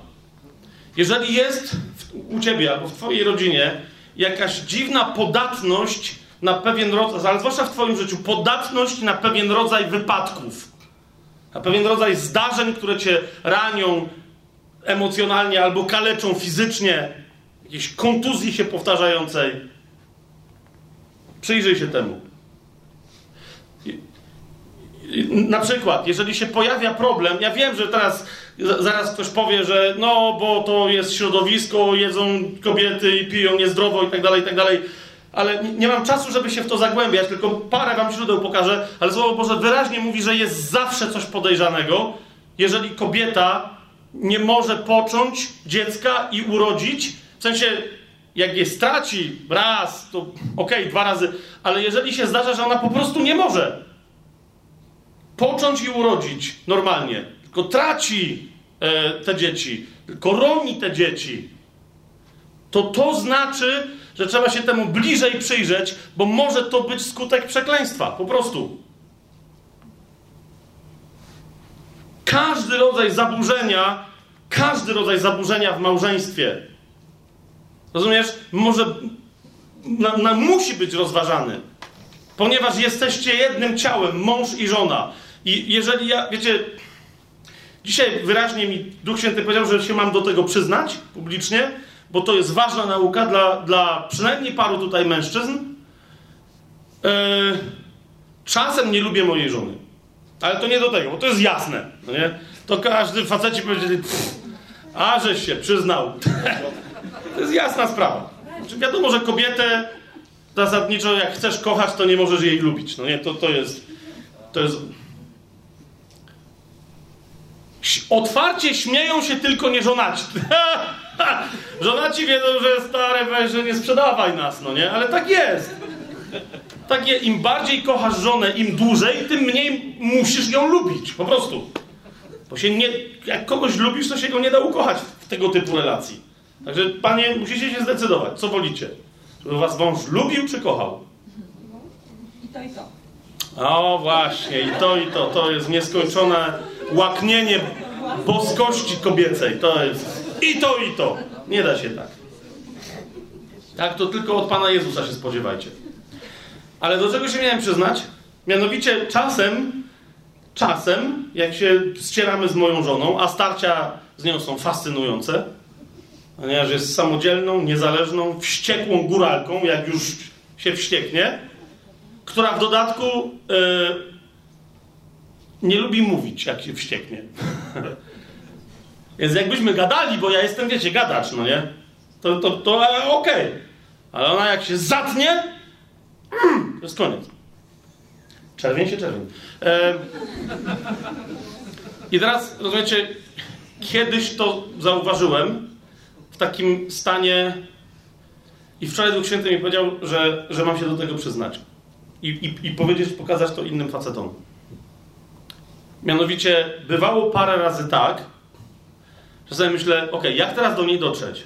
Gadać nie chcę, pokłócić się nie chcę, zacięła się tam, a ja oczywiście uważam, że racja jest oczywiście moja. Dzisiaj Macie wyjaśniłem, że czasem jak nie mam racji, to mogę nie mieć racji, ale ja się nigdy nie mylę.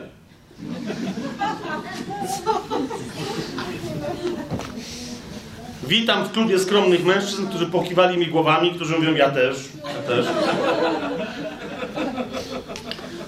Otóż, kochani, raz naprawdę włosy mi stanęły dęba na głowie, mimo że mam króciutkie. Kiedy pierwszy raz to zauważyłem, miałem bardzo wyraźny głos, który mi powiedział: Zatrzymaj jej błogosławieństwo. Zatrzymaj jej błogosławieństwo. Nic nie rób na zewnątrz. Nie, strzelanie focha, jakieś tam, to nie, to nie są męskie rozwiązania sprawy. To, to tak się nie robi.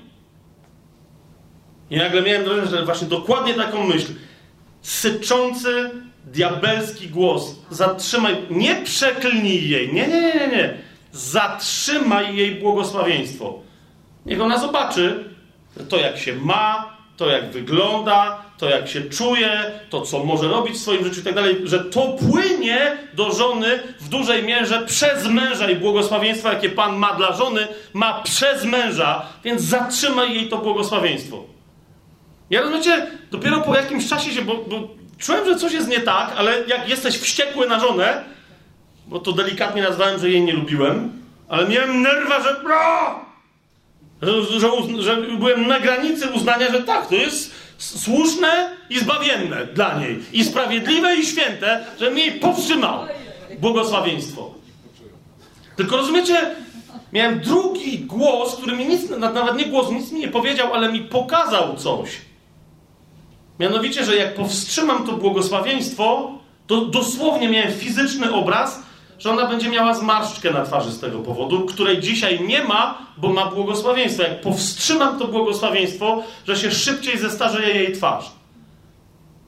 I ten pierwszy głos, ten diabelski mi powiedział, no, no i niech ma, i niech się nauczy następnym razem. Kto tu jest najlepszym kosmetykiem? Ale wtedy ten drugi głos, który mi pokazał ten obraz, zapytał mnie, czy tego chce Chrystus, który jest dla mnie obrazem bycia mężem dla swojego kościoła, żeby kościół miał chociaż jedną zmarszczkę na twarzy. I dopiero wtedy do mnie dotarło, zaraz, z kim ja w ogóle gadam teraz? Bo mi się wydawało, że jeżeli nie gadam o przekleństwie, to jakieś rozważania sprawiedliwe i słuszne w sobie snuję. I musiałem pokutować z tego. Od tej pory, mimo że to zauważyłem, parokrotnie jeszcze dokładnie taka sama myśl do mnie wracała. Rozumiecie? Zatrzymaj jej błogosławieństwo. To będzie sprawiedliwe. Wolno ci. To będzie sprawiedliwe. Bzdura absolutna. To było tylko diabelskie, pokrętne kuszenie mnie, żeby ją przekląć.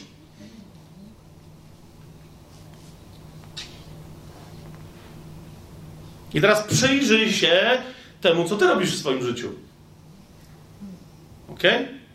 Bo jeżeli tam, gdzie Twoim obowiązkiem i zadaniem jest błogosławić, gdzie Ty nie robisz łaski, tylko jesteś postawiony w jakimś miejscu, czy jesteś postawiona w jakimś miejscu, żeby błogosławić, a tego nie robisz, to rozumiesz?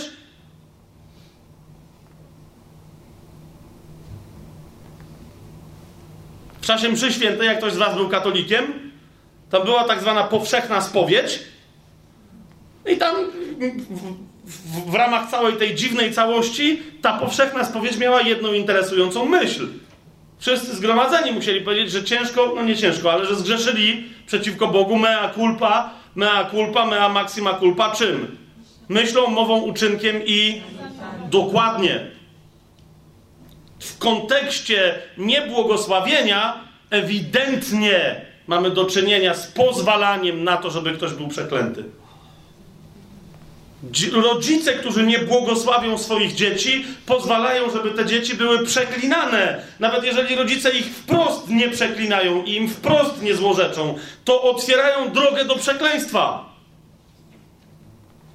Jest masa instytucji w tym świecie, zwierzchności duchowych, które rządzą całymi korporacjami, których celem jest przeklęcie Twojego dziecka.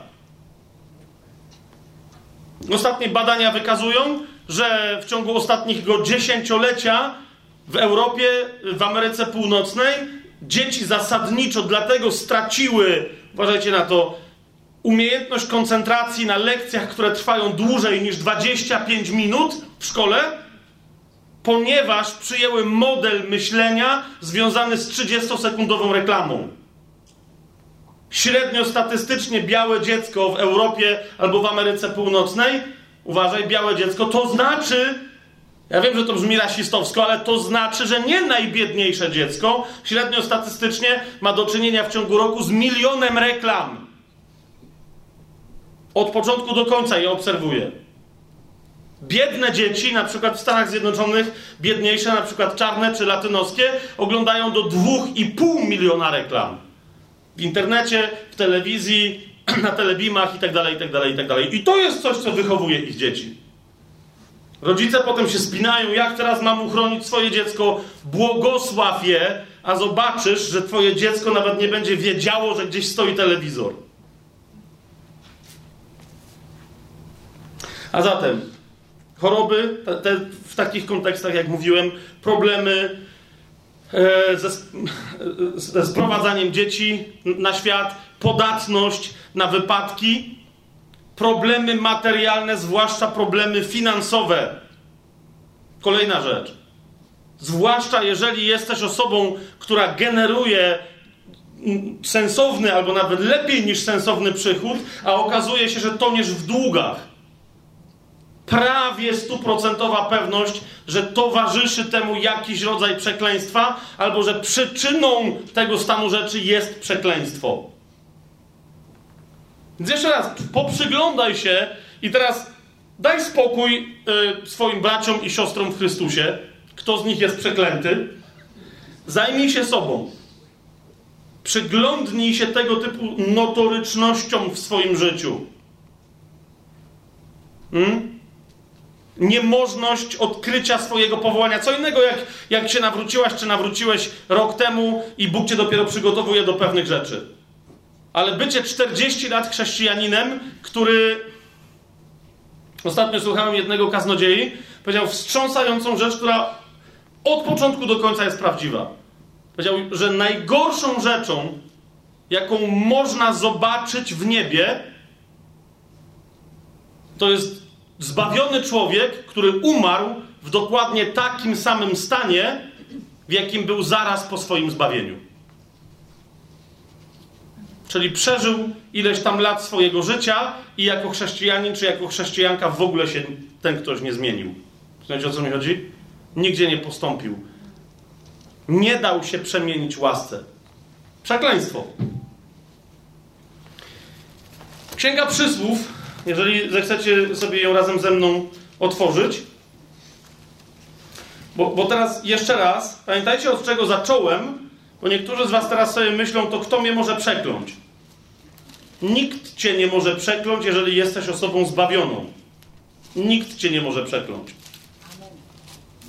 Okay? Nie, nie ma, nikt nie ma takiej możliwości. Nikt nie ma takiej możliwości. Tylko ty i, wyłą- tylko i wyłącznie ty możesz wyjść spod błogosławieństwa i wejść w przekleństwo. O tym mówi, taka jest zasada. Oczywiście poza Chrystusem, pod prawem nawet mojżeszowym, tam istniały różne przyczyny, które automatycznie przeklinały. Dla nas to jest kwestia, w którą stronę idziemy, kiedy wychodzimy spod posłuszeństwa Chrystusowi. Ale w Księdze Przysłów w 26 rozdziale, w drugim wersecie taką zasadę znajdujemy. Ona tu jest bardzo klarownie wyrażona, się w wielu innych miejscach powtarza w taki czy inny sposób. I ta zasada mówi, jak ptak się tuła i jaskółka lata, tak nie przyjdzie niezasłużone przekleństwo. 26 rozdział Księgi Przysłów, drugi werset. Jak ptak się tuła i jak jaskółka lata, tak nie przyjdzie niezasłużone przekleństwo. Nie ma tak, rozumiesz, że zachodzą jacyś czarownicy, że zachodzą jacyś sataniści, jacyś okultyści i oni rzucają przekleństwami, rozumiesz, w te i we w te, a chrześcijanie tylko łażą i unikają, bo rozżarzone pociski złego. Przestań. Rozżarzone pociski złego są od tego, żeby na nie wchodzić, żeby wołać na mnie strzelajcie, żeby uchronić słabszych. Od tego masz tarczę wiary, którą mamy co? Gasić te pociski. Tak? Więc dosyć już ze slalomem gigantem. Jeżeli ty na siebie nie sprowadzisz przekleństwa, to nikt na ciebie nie może rzucić przekleństwa. E, pamiętam bardzo, bardzo dawno temu taki, taki, był taki program E, na kasetach jeszcze rozsyłany, to było koniec 90. lat, to się nazywało Prophecy Club chyba z tego co pamiętam. No mniejsza, to tam były różne dziwne nauczania, ale e, między innymi było też świadectwo nawróconego, w sensie to już był chyba pastor tam jakiegoś kościoła, ale który był wcześniej satanistą, bardzo jakby, wiecie, w tych hierarchiach tam kościoła szatana i tak dalej, realnego okultyzmu. To, widziałeś to świadectwo? Nie, nie, nie, nie, nie. O, to jest ten, ten taki z siwą brodą. Nie, nie, nie. To był jeszcze inny. On miał taki dziwny jakiś kucyk, taki. Okej. Okay. Um, ale w ramach dokładnie tam, też tam, gdzie Bill tam y, nauczał. I teraz y, on mówił o, takiej sytuacji, że dostali zlecenie oni tam jakaś banda jego tam y, magików, żeby przekląć jakiegoś człowieka, ale dostali ogromne pieniądze, bo ktoś mówił, że już wielu próbował podejść takich okultystycznych i nie bardzo tam komuś wychodziło. Ten był bardzo wysoko postawioną personą, bardzo mocno e, w różne obrzędy e, diaboliczne zaawansowaną, w sensie zainicjowaną. Więc mówi, że ma dostęp do wysokich arkanów tam wiedzy magicznej, e, ale chcieli wezwać jakąś tam istotę, która miała wykonać egzekucję na jakiejś tam tej osobie, za którą ktoś zapłacił. Więc stworzyli najpierw specjalny krąg, tam jakiś magiczny, który miał ich, ich też miał chronić przed tą istotą. Rozumiecie, że wezwali jakiegoś ostrego smoka z drugiej strony, mieli wzywać. I teraz mówi, że rzeczywiście jak już rozpoczęli cały ten proces, bo to bardzo długo trwało, ale, ale jak już rozpoczęli proces inwokacyjny, to wiedzieli, że kiedy poczują obecność tego czegoś, mają mu tylko podać imię i nazwisko tej osoby i on załatwi sprawę i, i będzie po robocie, tak? Czyli to trwało wiele godzin, tam jakieś obrzędy, jakieś ofiary, jakieś straszne rzeczy, jakieś straszliwe bluźnierstwa i w pewnym inwokacja i oni wiedzieli, że to ma być bam, jest obecność, oni mówią, kto ten idzie, zabija, czy tam przeklina skutecznie tego kogoś raz na zawsze i jest po robocie. I ku zdziwieniu jego, on mówi, że wtedy się zaczęło jego nawrócenie, on wtedy wszedł na ścieżkę nawrócenia. Rzeczywiście, jak doszli do tej inwokacji, że poczuli potwornie złą obecność, powiedzieli jej imię i nazwisko i to było tak. Bam, ta obecność zniknęła i za chwilę wróciła przeciwko nim. Trwało sekundę. Dosłownie oni się, oni właśnie kiedy chcieli zacząć oddychać, to ta obecność wróciła. I gdyby nie te umowy magiczno-diabelskie z różnymi zwierzchnościami i tak dalej, on mówi, że, że zrozumiałem, że wszyscy tam bylibyśmy zmiażdżeni i zostałaby z nas mokra czerwona plama. Dlaczego? Jak już ta obecność wróciła i była na nich wściekła, oni to wiedzieli, że chce, chce ich zniszczyć. Oni powiedzieli, że ale w ogóle co się dzieje, halo, przepraszamy najmocniej. Usłyszeli nigdy na chrześcijanina. I koniec. Jak już ta obecność zrozumiała, że nie może im nic zrobić, bo jakieś tam układy, nigdy na chrześcijanina. Zobaczcie, i teraz ten gość z tego kręgu zaznaczonego świecami, pentagramem, krwią jakichś zwierząt i tak dalej, przez jakiś czas nie wychodził, ale mówi, że, że był wstrząśnięty. Mówi zaraz, my po tak wielu latach wtajemniczeń, po tak wielu latach poświęceń, y, pieniędzy wydanych, zaangażowania, wysiłków, poznawania jakichś ksiąg tajemnych, my wysyłamy taką potężną istotę przeciwko jakiemuś dziadowi, co ma domeczek z ogródkiem i ta istota nie może nic zrobić? Nawet nie spróbowała, tylko po prostu się tam pojawiła, stwierdziła, okej, okay, chrześcijanin, wycofka. Żeby się do niego dotarło, że ten chrześcijanin pewnie nawet nie wiedział, że ktoś go atakuje. Na tym cała rzecz polega. Dlaczego o tym mówię? Bo jeszcze raz, jak dzisiaj sobie mówimy o przekleństwie i o wolności, ok, od przekleństwa, to jeszcze raz pamiętaj, Potrzebujemy, ty potrzebujesz się nauczyć lokalizować miejsca, w których ty możesz spowodować przyczynę przekleństwa. Czy to jest jasne? Ale po wyjściu, uwolnienie się od przekleństwa jest prościutkie. Trudne to mogło być Twoje wyjście i wyciągnięcie się z ciemności do Bożego przedziwnego światła. Ale jesteś nowonarodzoną istotą. Masz nożyczki w rękach, ciach, ciach, ciach, ciach, tak się to robi. jak ptak się tuła i jak jaskółka lata, tak nie przyjdzie niezasłużone przekleństwo. Zwłaszcza, dodałbym, na tego, który wierzy, bo po to Chrystus umarł, żeby nas uwolnić od przekleństwa, sam stawszy się za nas przekleństwem i dla nas. Amen? Amen. Podam wam tylko parę przykładów, gdybyście chcieli w Biblii poszukać, bo, bo na przykład w prawie mojżeszowym Prawo mojżeszowe jest świetne, między innymi y, z jednej strony ze względu na proroctwa, które zawiera na temat Pana Jezusa i w ogóle y, y, i pierwszego Jego przyjścia i i drugiego ostatecznego. Ale też prawo mojżeszowe jest świetne, gdy chodzi o wyjaśnianie przyczyn przekleństw.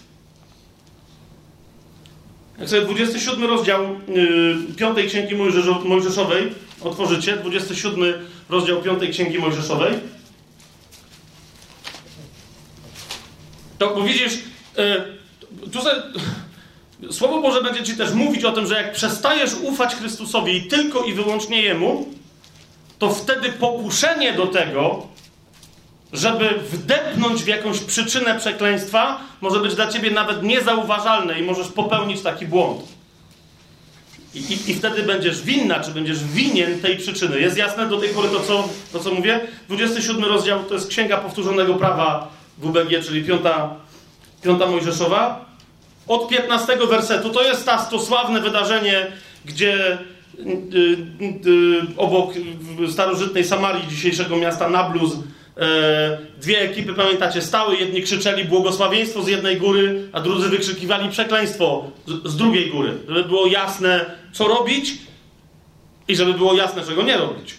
I teraz ci drudzy e, krzyczeli, to jest 15 werset, tak żeby wszyscy słyszeli. Zwróćcie uwagę, to są podane przyczyny przekleństw. A więc na przykład przeklęty człowiek, który wykona wyrzeźbiony lub odlewany posąg, obrzydliwość dla Jahwe, dzieło rąk rzemieślnika i postawi w ukrytym miejscu. Słowo okult łacińskie i stąd pochodzące słowo okultyzm oznacza wszystko, co jest zasłonięte i co jest ukryte, a co służy bałwochwalstwu takiego czy innego rodzaju, komunikacji z demonami i posługiwaniu się mocą demonów.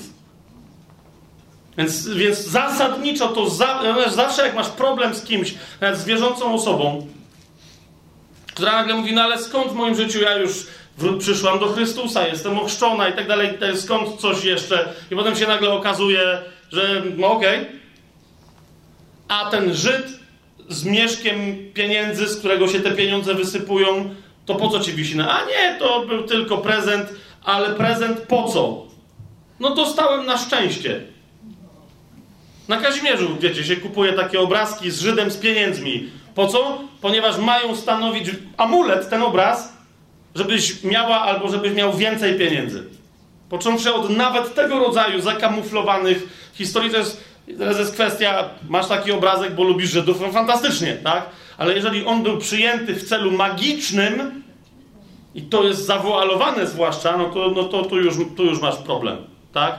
Naprawdę pewnym rzeczom w domu trzeba się przyjrzeć ze starego życia. Ponieważ niektóre z nich mogły być wykonane, ja często kobiety przestrzegam, które lubią starą biżuterię. Dziesięć razy się pomódl nad pierścionkiem na e, placu żydowskim, na Klimtargu, e, zanim go kupisz. Dziesięć razy zapytaj Ducha Świętego, czy to jest tylko i wyłącznie pierścionek. Rozumiesz, czy ktoś po coś ten pierścionek zrobił. Nie tak jest, siostro? Nie tak jest? Tak. Niektórzy o tym bardzo dobrze, bardzo dobrze wiedzą. Dalej. Szesnasty werset. Przeklęty, kto lekceważy swojego ojca i swoją matkę. Nawet Nowy Testament mówi, że to jest pierwsze przykazanie z obietnicą, żeby szanować ojca i matkę. Tak? Ale czynne lekceważenie okazywane ojcu i matce jest bezpośrednio związane z przekleństwem. Zwróćcie uwagę na to. Czynne okazywanie lekceważenia ojcu y, lub matce. A to się wiąże z czym? Z takiego rodzaju zdrowiem, które zapewnia ci długie życie. Pamiętacie, jaka jest związana obietnica z przykazaniem? Dalej. Przeklęty, kto przesuwa granice swojego bliźniego. To się tyczy, ja teraz nie będę w ogóle w ten temat wchodził, ale to się tyczy nie tylko e, własności prywatnej, wszelkiego rodzaju własności, żeby mieć świadomość, co jest czyje, co do kogo należy. No, bo tu chodzi o wszystkie granice czegoś, co jest nie twoje. Ale jak sobie prześledzicie, nie, nie teraz to chodziło, ale na przykład jak sobie prześledzicie historię Stanów Zjednoczonych, I, I wielu uczciwych mężów bożych o tym mówi, co kiedy się stało za każdym razem, kiedy Amerykanie odbierali kolejny teren e, e, rdzennym mieszkańcom tego kontynentu. Nie, rozumiecie, nie w ramach uczciwych wymian, bo wtedy wszystko gra, ale w ramach nieuczciwych umów, tak? W ramach których oni myśleli, że coś tam się wydarzy, a zostali okradzeni. I Stany Zjednoczone myślę, że jeszcze czekają na, na wypełnienie, ponieważ pewne rzeczy do dzisiaj nie zostały uporządkowane. Księga e, Dziejów Apostolskich na przykład mówi wyraźnie, że Pan wyznaczył narodom, nie, nie tylko wyznaczył narody, ale Pan wyznaczył narodom granice, w których mają zamieszkiwać. Każdy, kto się podnosi i przeciwstawia się temu prawu Bożemu i tej woli Bożej, podpada pod to przekleństwo. Po prostu. I teraz jedne narody wygląda na to, że mają mieć duże terytoria, inne mają mieć małe, ale nie ma czegoś takiego, rozumiem, że jak nie, nie, po prostu nie ma w planie Bożym możliwości, żeby ktoś za daleko ze swoją granicą poszedł i żeby komuś ją wziął. Bo wtedy podpada pod przekleństwo i wtedy rozważcie na przykład zabory Polski. Hmm? Zobaczcie, co się dzieje. O, bo jest ta twarz, jest ta twarz, bracie. E, no przyjrzyj się, co było wcześniej. Kto co komu brał, tak? Popatrzcie na historię różnych regionów. Ale nadal nie mówimy teraz o narodach, bo to jest bardziej nieco złożone, tylko mówimy o sobie. Dalej. Przeklęty, kto sprowadza ślepego z drogi, aby błądził. To jest kolejna rzecz. I ona się tyczy wszystkich tych sytuacji, które są wykorzystaniem przez ciebie czyjejś niewiedzy, niekoniecznie na twoją korzyść, ale na tamtego niekorzyść. Przeklęty, kto nagina sądu, przybysza, sieroty i wdowy. Zwróć uwagę, my jesteśmy wezwani prawdziwym, prawdziwą pobożnością przez Jakuba jest nazywane wspieranie sierot i wdów, wdów e, w ich utrapieniu. Amen? A teraz ktoś, kto przykłada rękę do tego, żeby przydarzyło się im utrapienie, automatycznie ryzykuje przekleństwo. Automatycznie. Jerem... No dobrze, nie będę teraz tego rozwijał, ale bo, bo to jest bardzo, bardzo, bardzo, bardzo ważna rzecz. Ja tam do wyborów nie chodzę z różnych powodów, ale jeżeli ktoś uważa, że chodzenie do wyborów to jest Y, że przez pójście do wyborów i oddanie głosów, jeżeli ktoś uważa, że to jest jego odpowiedzialność, to zważ na swoją odpowiedzialność. Z wieloma chrześcijanami rozmawiałem i pytałem, ktoś mi mówi, stary PiS, bo coś tam, PO, bo coś tam. To jeszcze raz, zobacz, jeżeli ty uważasz, że twój głos oddany na jakąś partię, która wprowadza gdzieś kogoś do parlamentu i potem ten ktoś zaczyna przepychać ustawy, które na przykład pogarszają sytuację przybysza, sieroty i wdowy, przybysza, równie dobrze mogłoby tu być tłumaczenie imigranta, sieroty i wdowy. I teraz nie, nie patrzcie na mnie jak dzicy, ponieważ cała Biblia o tym mówi, cały Izrael o tym wie. Izrael, który był autentyczną teokracją w odróżnieniu od Polski, że może przybysz zamieszkać pośród ciebie i, i paru rzeczy tylko ma przestrzegać. Wcale nie musi przechodzić na judaizm. A ty masz go szanować, ponieważ na tym polega twoje posłuszeństwo. Podobnie jak sierotę i wdowę.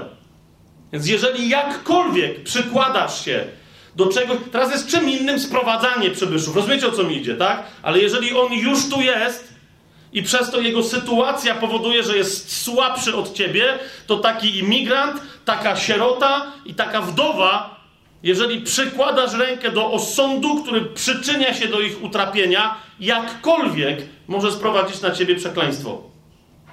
Przyjrzyj się temu. Jeżeli współpracujesz z jakąś siłą lokalną, z jakimś samorządem, który z jakiegoś powodu oddaje pieniądze, które normalnie szły, bo nie wiem teraz jak to wygląda teraz, ale kiedyś z taką sytuacją się zdarzyłem, te pieniądze szły normalnie na sierociniec. I teraz tam ktoś coś potem porozgrywał, jakiś tam burmistrz miał brata, który miał firmę, która robiła e, oświetlenia i nagle wszyscy stwierdzili, że zamieniamy ronda na skrzyżowania, na których będą światła. To potem się okazało, że w tej małej miejscowości tych światł w ogóle nie było potrzeba, ludzie giną na tych światłach. I wszyscy byli zdumieni, jak, jak, jak potem, że dwa lata temu mieliśmy rozmowę na ten temat, zapytałem, bo ktoś mi to dopiero powiedział, czy widzicie związek z tym, że przekazaliście te pieniądze w tamtą stronę, a wzięliście dzieciom z tego sierocińca, które tam dalej są. Bo żebyście zamknęli sierociniec gdzieś wysłali, to co innego, ale te dzieci tam dalej są. Przeklęty, 20 werset, kto obcuje z żoną swojego ojca. Pamiętacie, kogo Paweł, jeden jedyny człowiek, nie podany z imienia, ale z jasnym grzechem, kogo Paweł, yy, nie będąc w Koryncie, mówi, że oddaje szatanowi? To jest dokładnie ten gość. On mówi, jeżeli wy nie rozumiecie, że on będąc Chrystusowym, będąc nawróconym, zbawionym człowiekiem, wziął sobie za żonę kobietę, która była żoną jego ojca, to, to była jego macocha. I w związku z tym jest teraz pod przekleństwem. Jeżeli wy tego nie rozumiecie, to się nie zdziwcie, jak się przekleństwo zacznie na was przewalać, bo akceptujecie przekleństwo, które na niego spada, które on zaciąga. Przeklęty, kto obcuje z jakimkolwiek zwierzęciem, to są jasne sprawy. Ale teraz jest, teraz jest, teraz jest pytanie, to właśnie, jak w związku z tym tego rodzaju zanieczyszczenie, rozumiesz, się przedostaje gdziekolwiek, na przykład przez pornografię, przez akceptację takiego zjawiska przez nas jako chrześcijan. Mówimy, no ale to nie nasza sprawa, my tu nie... Jeszcze raz. Dlaczego na przykład nie mam prawa zapytać ludzi, którzy startują w ramach jakichś tam wyborów, do tego, jak, ja nie słyszałem do tej pory jeszcze ani jednego polityka polskiego, który by jasno mówił, e, że podniesie temat pornografii w Sejmie.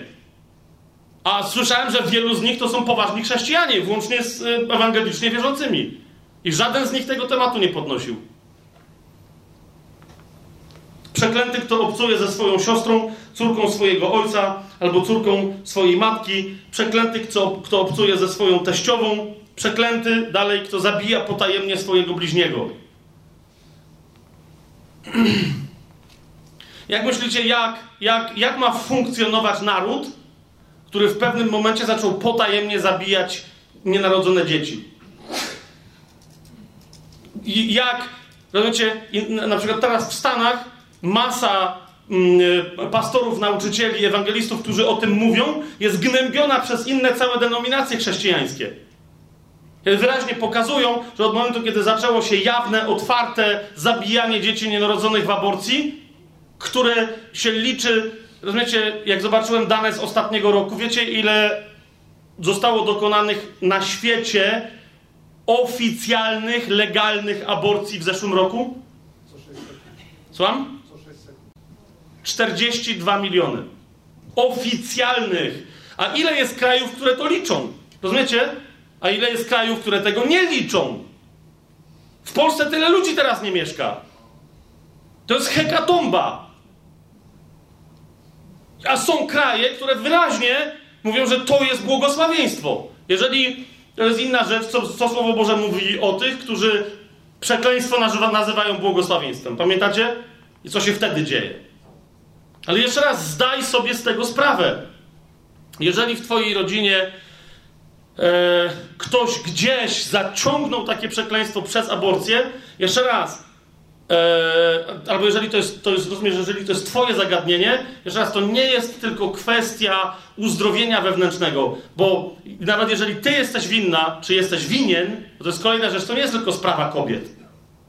Okay? Syndrom poaborcyjny dotyka często gorzej mężczyzn niż kobiet, ojców dziec, tych dzieci, które, które zostały zabite.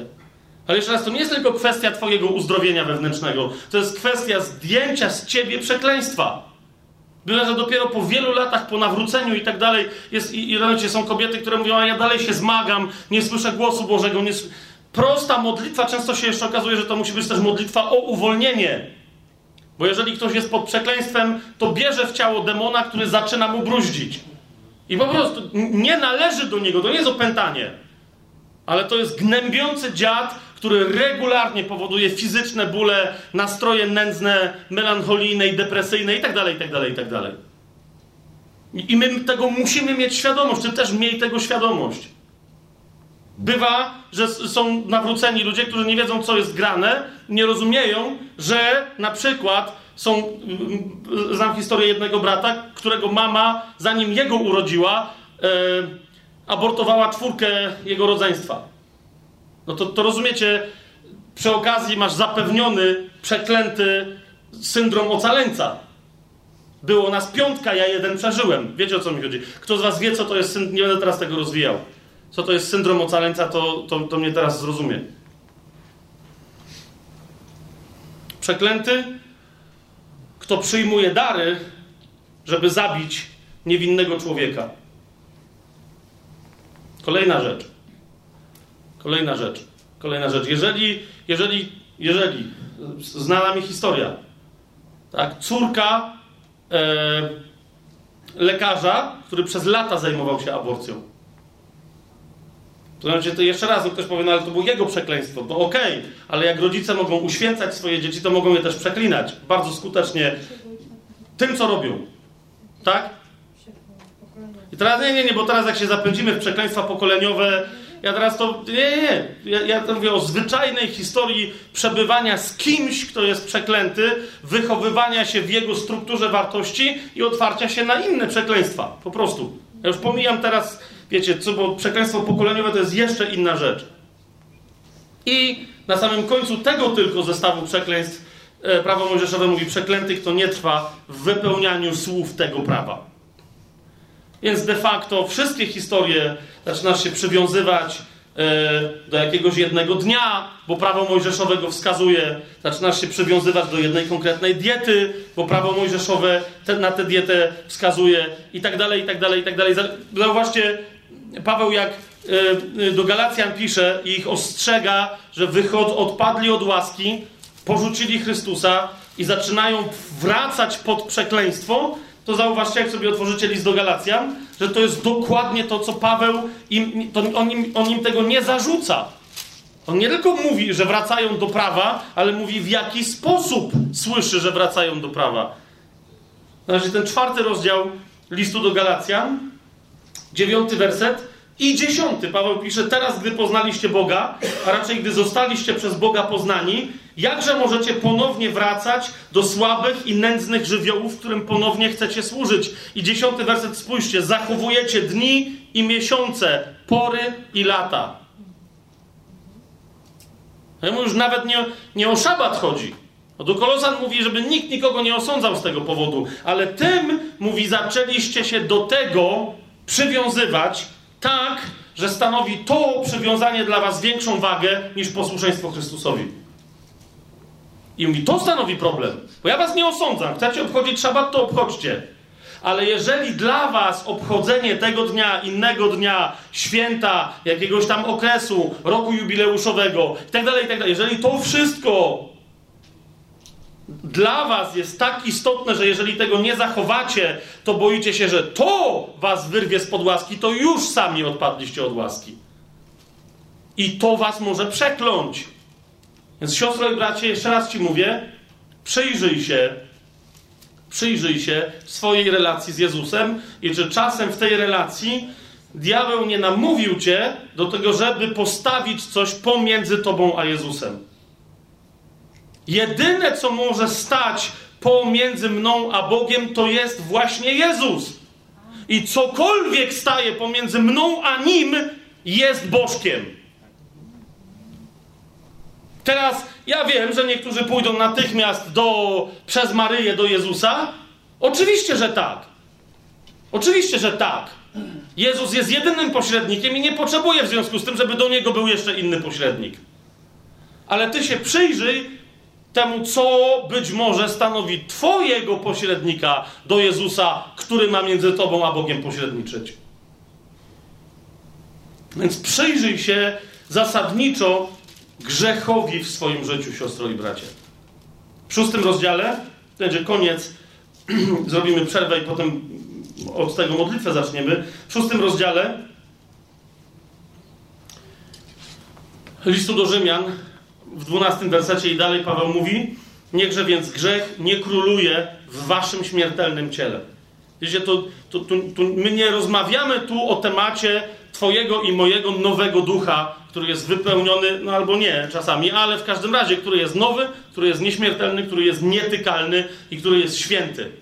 Ty jesteś święta i ja jestem święty, jesteśmy święci, będąc usprawiedliwionymi przez krew Chrystusa w duchu. Ale ciało pozostaje słabe i w ciele króluje grzech, a my nie możemy pozwolić na to, żeby on nad całą naszą osobą, nad całym naszym jestestwem panował. Nie, więc grzech nie króluje w waszym śmiertelnym ciele. Ciało ma być poddane duchowi. Żebyście mieli być posłuszni w jego porządliwościach. I nie oddawajcie waszych członków jako oręża niesprawiedliwości grzechowi, ale oddawajcie samych siebie Bogu jako ożywieni z martwych, a wasze członki jako oręż sprawiedliwości Bogu. Jeszcze raz to przypomnę. Jeżeli trwasz w błogosławieństwie, to również twoje ciało służy Bogu jako broń sprawiedliwości. Ale jeżeli twoje ciało, czy moje, nie służy jako broń sprawiedliwości, to z automatu służy jako broń niesprawiedliwości. Czy to jest jasne? Jak nie, to czytaj dalej list do Rzymian, tak? Grzech bowiem nie będzie nad wami panował, bo nie jesteście pod prawem, ale pod łaską. To jest to. Łaska służy do zwalczania grzechów w pierwszej kolejności w ciele, do poddawania ciała pod panowanie ducha i pod jego kontrolę, do pełnienia kompletnie woli Bożej. Nie tylko w chceniu duchowym, ale w fizycznym wykonaniu. Dowodem obecności łaski jest władza nad grzechem.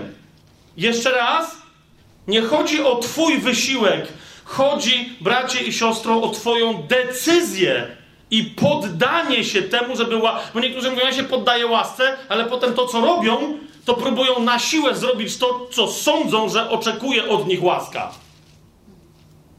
Nie, chodzi o Twoją decyzję. Czy łasce Ducha Świętego, czy ręce Pana jest wolno wejść w Ciebie, w Twoje życie i zrobić, co chce. Tylko tyle. Czy nie wiecie, szesnasty werset, że komu oddajecie siebie jako słudzy w posłuszeństwo, komu jesteście posłuszni, tego jesteście sługami? On to pisze do zbawionych Rzymian. Zwróćcie uwagę. Ja mówi, nie wiecie o tym?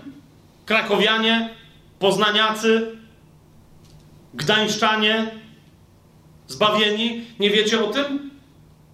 Komu jesteście posłuszni, tego jesteście sługami, nawet kiedy jesteście zbawieni. Bądź grzechu ku śmierci, bądź posłuszeństwa ku sprawiedliwości. Ale chwała Bogu, że gdy byliście sługami grzechu, usługaliście z serca, usłuchaliście z serca wzoru tej nauki, której się poddaliście.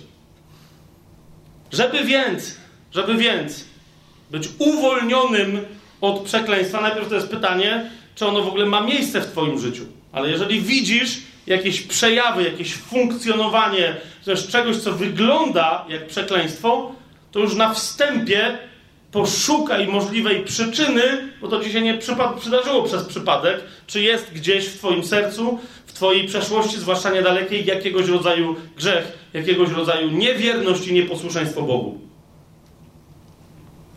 Jeżeli tak, to wyznaj to nieposłuszeństwo, wyznaj ten grzech i wyznaj jeszcze raz i postanów i zdecyduj posłuszeństwo Jezusowi jako Panu. Wtedy dopiero i tylko wtedy, bo to jest uniżenie się pod mocną ręką Boga, możesz się przeciwstawić diabłu, jak o tym pisze Jakub. I możesz znieść władzę tego przekleństwa, które sobie to, tę władzę uzurpuje w imieniu Jezusa Chrystusa. Model jest bardzo prosty.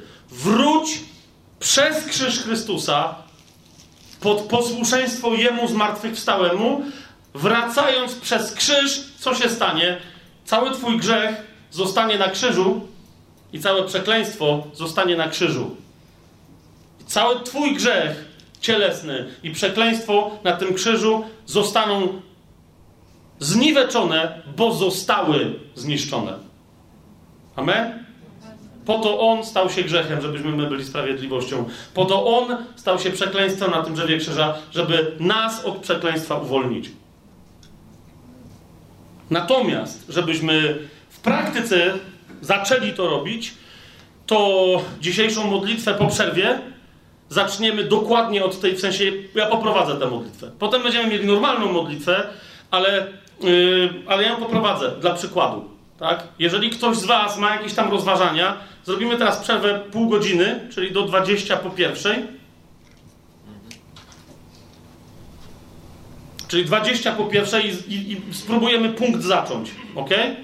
Ale jeżeli ktoś z Was w tym czasie potrzebuje pewne rzeczy sobie przemyśleć, przyjrzeć się czemuś, e, być może skonsultować z mężem czy żoną, czy pewne rzeczy tak wyglądają, jak mi się wydaje, że wyglądają, to dajcie spokój towarzyskim rozmowom, ok? Żeby ta, ta modlitwa potem była skuteczna.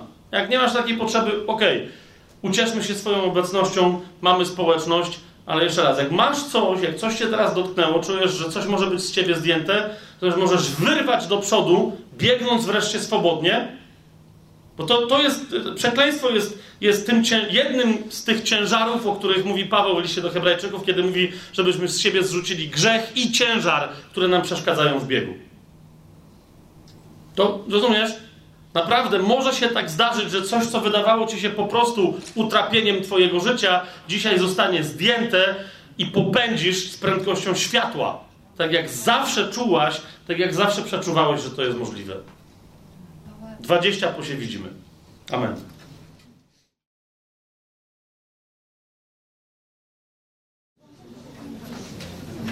Słuchajcie, y, jeszcze y, mm, potrzebuję, zanim się zaczniemy modlić.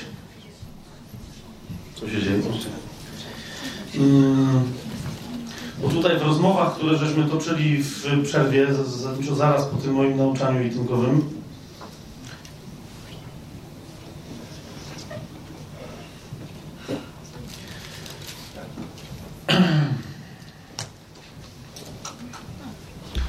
Musimy sobie jeszcze, jeszcze, jeszcze coś wyjaśnić.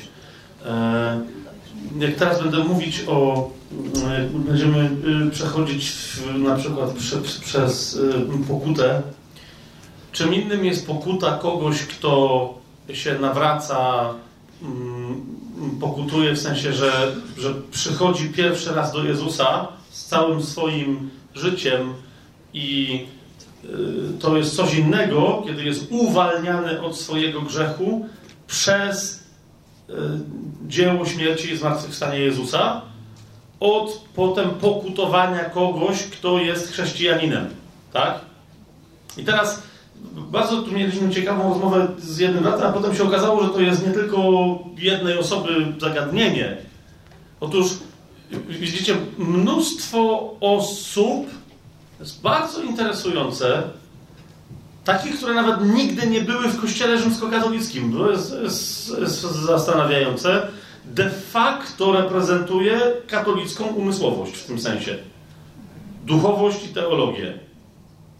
Mianowicie, e, mianowicie, to, to będzie ciekawe, nadal pokutowanie traktują jako robienie czegoś ze swoimi grzechami. Tak, bo, bo chrześcijanin może zgrzeszyć, tak? Może właśnie odpaść od łaski, coś tam się stanie, zgrzeszy raz, zgrzeszy drugi. Ok.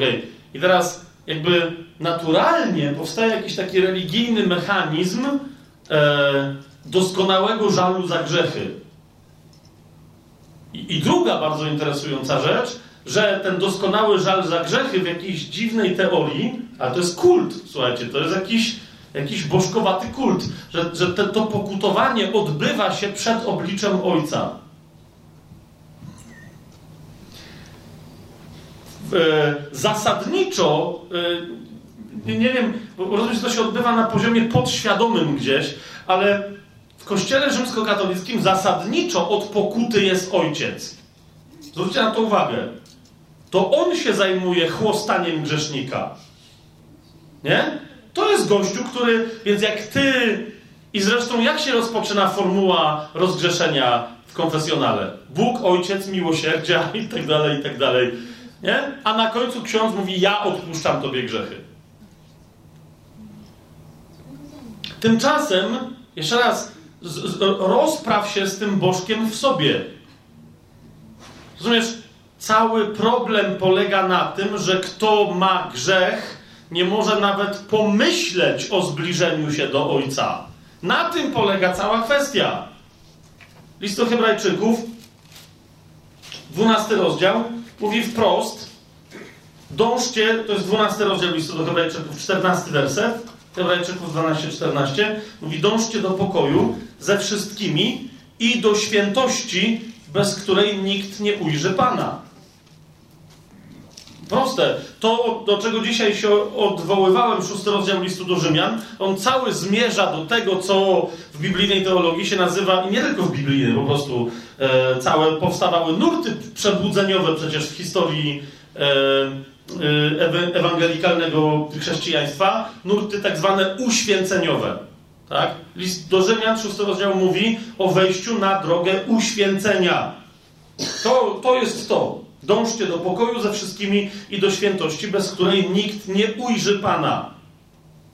Teraz, yy, teraz druga niezwykle istotna w tym rzecz. Nikt z nas nie może samego siebie uświęcić. Nikt z nas, kto został poświęcony, nie, może swoimi wysiłkami dbać o czystość swojej świętości. Nikt z nas nie może tego zrobić. To jest łaska i ta łaska przychodzi tylko i wyłącznie przez, przez Jezusa, a my do Ojca oczyszczeni i uświęceni tylko przez Jezusa idziemy. Znaczy, droga jest w te dwie strony. Jak? List do Hebrajczyków, tenże sam, tylko wcześniej, mówi o tym, że teraz, bracia, mamy śmiałość. Żeby co? To jest 10 y, rozdział, 19 werset, sławny i dalej. Mamy śmiałość aby przez krew Jezusa wejść do najświętszego miejsca. Drogą nową i żywą, którą zapoczątkował dla nas przez zasłonę, to jest przez swoje ciało Chrystus. No tam dalej jest inny tekst, ale to, to, to, bo o nim jest mowa wcześniej. On przez zasłonę, to jest przez swoje ciało rozdarte na krzyżu, zapoczątkował i dlatego On jest drogą, On jest prawdą i jest życiem. To życie otrzymuje się przez tę prawdę na tej drodze. A zatem pokuta chrześcijanina, rozumiesz, zaczyna się od uświadomienia sobie czego? Skąd się tu wziąłeś, że musisz wracać? Bo, bo cały czas spotykam chrześcijan, którzy pokutują cały czas nie z tej strony krzyża, co trzeba, i myślą, że pokutują. Czyli ubolewają nad własną nędzą i potem do tej nędzy powracają, jak twierdzą, ale oni nigdzie stamtąd nie wyruszyli. Na czym polega pokutowanie, szybkie pokutowanie chrześcijanina? Na uświadomieniu sobie, jeżeli zgrzeszył, gdzie jest. Jeżeli tu jest krzyż, a to jest ta cielesna strona, z którą krzyż się rozprawia, to musisz sobie uświadomić, gdzie jesteś i masz podjąć decyzję, że nie chcesz tu być. Jak? Przez krew Chrystusa. Przechodzisz przez krzyż jeszcze raz, wracasz, gdzie na tym krzyżu zostaje wszystko, co jest przekleństwem, na tym krzyżu zostaje wszystko, co jest grzechem. Tam, tam wracasz do przeszłości, tam wracasz do przeszłości swojego ciała. Przez krzyż wracasz do swojej aktualności, bo krew Chrystusa jest przelana za wszystkie Twoje grzechy. Tak czy nie? To cię czyni nowym stworzeniem z tamtej strony krzyża. Więc jak upadasz, to, to, to uświadom sobie, gdzie lecisz. Po prostu, że odpadasz wtedy od Ojca, przelatujesz przez ten krzyż z powrotem i lądujesz w tamtym bagienku, a tam diabeł chce cię przekonać, że no taka jest twoja prawdziwa natura. No nie taka jest moja prawdziwa natura. Musisz się podnieść i uświadomić sobie, to nie jest moje miejsce. Musisz wrócić na wyżynę niebieską, w której jesteś już duchowo zmartwychwstałą osobą. List do Efezjan. Cały pierwszy i drugi rozdział. Na tym polega pokuta i w tym sensie to jest metanoja, w tym sensie to jest zmiana. To rozumiesz, to dla nowonarodzonej osoby za każdym razem metanoja oznacza podjęcie jeszcze raz decyzji. Nie chcę być tu, tylko chcę być tam. Chcę i ale teraz uważajcie. Ale teraz uważajcie. Bo tu mamy najwięcej oszustwa. Jak żeśmy właśnie z jednym bratem rozmawiali, powiedziałem mu o sobie. Jak, wy, e, jak kończyłem swoje życie w zakonie, gdzie się nauczyłem jeść, e, było bardzo dobre jedzenie, ale niezdrowe. Dlatego było bardzo dobre. I zwłaszcza potem, jak żona mi zaczęła tłumaczyć, co jest zdrowym jedzeniem i że bardzo by sobie życzyła, żebym nie miał ochoty na McDonalda, lecz na jakieś warzywka, najlepiej surowe, paleo i tak dalej, to ja stwierdziłem, że amen. To oczywiście, zwłaszcza, że widziałem, że w ogóle tam ten sposób jedzenia i tak dalej mój, jak już wiem, co się dzieje, to jest grzech. Więc mówię, panie, odwracam się od tego.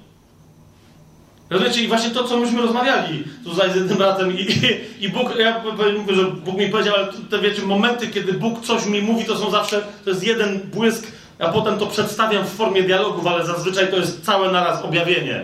Wiecie, co mi Bóg pokazał? Pokazał mi mnie po tej mojej decyzji, że się nawracam za tydzień. A, a co mi pokazał? Pokazał mi, że przecierpiałem 6 dni i myślę sobie, widzę, że niektórzy już się też tak nawracali, i myślę sobie, no to czas byłby, że zasłużyłem teraz na maka, nie? Widzicie o co mi chodzi? A pytanie Boże brzmiało, czy ty, bo, bo rozumiesz, to i to jest właśnie nawrócenie, które polega na moim wysiłku, to ja teraz tu będę wracał i wtedy się roztrzaskuję o krzyż, bo ja nie umiem przejść przez krzyż. Jakbym umiał, to bym ja umarł sam za siebie. To jest, to rozumiesz, to jest moja decyzja, która uważaj. I to jest druga część, to jest moja decyzja, Panie, ja chcę być z Tobą. Weź mnie tam, jeszcze raz, przez krew. Jezus mówi, dobra, to chodź, ale teraz druga, ja w tej decyzji Tobie się poddaję. Wiesz, co to dla mnie oznaczało? Jak mi Bóg to pokazał? Bóg mi powiedział, chcesz, żebym Ci zmienił smak? Że za tydzień okaże się, że tak jak teraz masz szał na temat, rozumiesz, Maka czy KFC zwłaszcza, to rozumiesz, będziesz, będziesz siedział, będziesz rozmawiał z kimś, będziesz sobie myślał, mmm, czeka na mnie sałata. Ja sobie pomyślałem, I Bóg mówi, ale to, to by było to, jak cię przeprowadzę, rozumiesz? Kapujecie, że my z nawrócenia, my sobie robimy problem, my sobie robimy coś, coś my z, z czegoś, z krzyża, który jest uwalniający, my sobie z tego robimy krzyż, który jest ciężarem, który mamy dźwigać. Z krzyża, który jest kluczem, który otwiera zamek, my sobie robimy łańcuchy i kulę u nogi, która nam nie pozwala iść. Właśnie w ten sposób. Bo jeżeli się chcesz nawrócić, to daj mi zmienić swój smak. Chcesz? I tu wychodzi, czy się chcesz nawrócić. A jak nie, to powiedz to, bo, ale wtedy się nie dziw, rozumiesz, bo wtedy twoje nawrócenie, że ty tam ubolewałaś, że, albo ubolewałeś, że o, go, pan, o, panie, jaki grzech, Rozumiesz, ale to, to nie było, to, to, co to była? Pokuta? Pokuta? Wszedł chłop w kupę i tarza się w niej, żeby się ukarać, że w nią wszedł. To jest dokładnie to, co robi większość chrześcijan w ramach pokuty. Rozumiesz? O, wdepnąłeś w kupę. Serio? A, ale ze mnie nie dołęga. Więc za karę wytarzam się cały. I teraz łazi jeszcze śmierci innym. Żeby było jeszcze gorzej, to wyzna osobie, przeciwko której zgrzeszył, że przeciwko niej zgrzeszył. Przecież Pismo mówi, żebyśmy wyznawali. Ale nie żebyśmy dokładali cierpienia tym, których już cierpienie spowodowaliśmy. Myśl. Rozumiecie? Więc teraz o to idzie. Czy, czy to, jak będziemy dzisiaj mówić o pokucie, czy ty dostrzegając w swoim życiu grzech i co gorsza, grzech drugi polegającym na tym, że ten grzech, który widzisz, wcale nie jest dla ciebie nazbyt obrzydliwy. Pytanie brzmi, czy chcesz, żeby Bóg zmienił ci smak, tak, żeby ten twój grzech przez ciebie rozpoznany jako grzech intelektualnie stał się od tej pory dla ciebie obrzydliwy, a więc, żeby twój smak zmienił się na smak Chrystusowy. To jest pokuta. I jak mówimy o szybkim pokutowaniu, to nie chodzi o to, żeby się szybko zbierać do tego, żeby opłakiwać nędzę, którą reprezentujemy sobą, ale żeby dać Bogu jak najszybciej nam ten smak zmienić. A najczęściej właśnie to jest coś, czego nie chcemy się pozbyć. My nie chcemy grzeszyć, ale chcemy mieć smak, bo jeżeli raz na jakiś czas byśmy z tego grzeszku skorzystali, no to chcemy mieć z tego przyjemność. Cóż to za przyjemność, jak ja na myśl o McDonaldzie będę żygał? to Boże, tego mi nie odbieraj. Rozumiesz, że właśnie na, z każdym grzechem jest dokładnie tak samo. Z każdym jest dokładnie tak samo. Więc odwrót, pokuta na tym ma polegać Twoja i moja. Amen? To, to, jest, to jest wzięcie tej śmiałości i takie przejście przez krzyż, że nam zmieni, bo On jest w nas sprawcą i chcenia i działania, które są zgodne z Jego upodobaniem. Nasze nawrócenie jest poddaniem się woli Bożej takiej, że ona w nas wnika i moja wola staje się Jego wolą. I to, co dla Niego jest przyjemne, wreszcie staje się dla mnie przyjemne. Siostro, bracie, dzisiaj się Ciebie pytam, czy Ty tego chcesz w swoim życiu? Jeszcze, jeszcze jedna e, rzecz z, z, takich, mówię, praktycznych rzeczy, o których teraz będziemy mówić w, i w tą modlitwę wchodzić.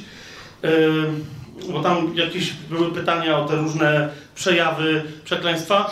Tak, jeżeli ktoś e, się nawrócił, doświadczył zbawienia, chodzi w duchu i wciąż ma problem mm, nałogowy z czymś, co nie odkształca świadomości. Teraz ktoś, kto zaraz nie ma w ogóle problemu nałogowego, to niech się nawet nie zastanawia. Mówię do tych, co wiedzą o co chodzi. Czy na przykład, jeżeli ktoś ma problem alkoholowy, w sensie nauk alkoholowy, albo narkotykowy, to to jest inna historia, bo tam jeszcze z ciałem sobie i z mózgiem sobie trzeba takiej osoby fizycznie poradzić. Ale jeżeli ktoś się nawraca i po roku, po pięciu latach, po dziesięciu latach od nawrócenia dalej pali papierosy, to fakt niemożności poradzenia sobie z tym, bo to nie odkształca świadomości. To nie jest wódka. Okay? To, to nie jest heroina. To nie jest e, fakt, że dalej pali papierosy. E, może być, e, powinien być e, znakiem, żeby się przyjrzeć, czy tam nie ma jakiegoś rodzaju przekleństwa, które utrzymuje ten stan, ten stan rzeczy. Jeżeli ktoś nałogowo inne rzeczy robi. Niekoniecznie, właśnie, zwłaszcza takie nieodkształcające świadomości bezpośrednio, tak? I nie może sobie z, z tym czymś poradzić, to może być kwestia e, działającego e, przekleństwa, tak? Cokolwiek, co w Twoim ciele wydaje się mieć władzę, nawet jeżeli Ty władzę naprawdę oddajesz Jezusowi, e, a to coś jakby nie ma de facto jakiegoś poważniejszego w ciele zaczepienia. Bo jakby nauk E, związane z tymi substancjami odkształcającymi świadomość nie wiąże się tylko z tym, że masz głód tych substancji, ale wiąże się ze zmianą całych ścieżek pomiędzy synapsami w mózgu. To jest fizyczne odkształcenie e, w mózgu. To są, to są e, inne historie. Choć jeszcze raz, no dopiero co kolejna historia szczęśliwie się kończy, przynajmniej wszystko na to wygląda. Osoba, która jeszcze 8 e, miesięcy temu była ciężko uzależniona, mieszkała na ulicy od kraku, od heroiny, od amfetaminy, co, co tam nie pomyślicie z najgorszymi zanieczyszczeniami. E, teraz jestem pełen wiary i jak najlepszej nadziei, wraca czysta i uwolniona i duchowo, i fizycznie oczyszczona do, do normalnego życia. E, więc jeszcze raz z najgorszymi naprawdę uzależnieniami, czasem naraz, w jednym wielkim cudzie i wybuchu łaski, czasem na przestrzeni paru miesięcy, ale Jezus naprawdę sobie radzi. Jezus naprawdę sobie radzi. Więc tym bardziej, jak masz coś, co ewidentnie w Twoim życiu, wiesz, wygląda jak nauk, a nie jest związane z narkotykami czy, czy alkoholem, yy, na przykład, na przykład, bracie, na przykład poszukiwanie adrenaliny przy niebezpiecznie szybkiej e, jeździe samochodem i przy niebezpiecznych manewrach na drodze. Jest tu jedna osoba od tego uzależniona. To, to, to, to jest związane z przekleństwem. Przyjrzyj się swoim, przyjrzyj się swoim zachowaniom. Ok? Mm, zakupoholizm, do którego to jest ciekawe, jeden z najbardziej e, negowanych nałogów wśród chrześcijanek. E, faceci się przyznają, jak faceci są zakupoholikami, to.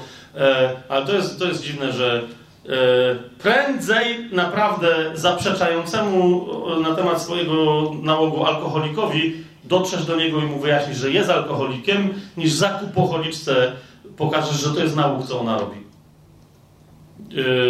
Więc. Naprawdę, siostro, to nie jest normalne, że masz 80 par butów,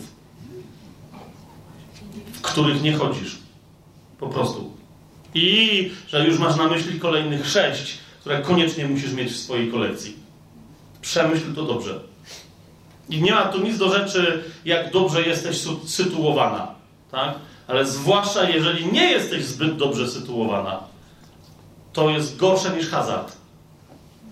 Hazard to jest, y, to jest, kolejna, y, to jest kolejna rzecz, która też bywa, że przez chrześcijan jest y, bagatelizowana, a nie powinna być. Nie chodzi mi o jakieś wielkie hazardowe rzeczy, ale przyjrzyj się rzeczom typu puszczanie małego totolotka, obstawianie małego zakładu na to, że jakimś cudem Wisła wygra z Legią, czy coś w tym stylu, tak?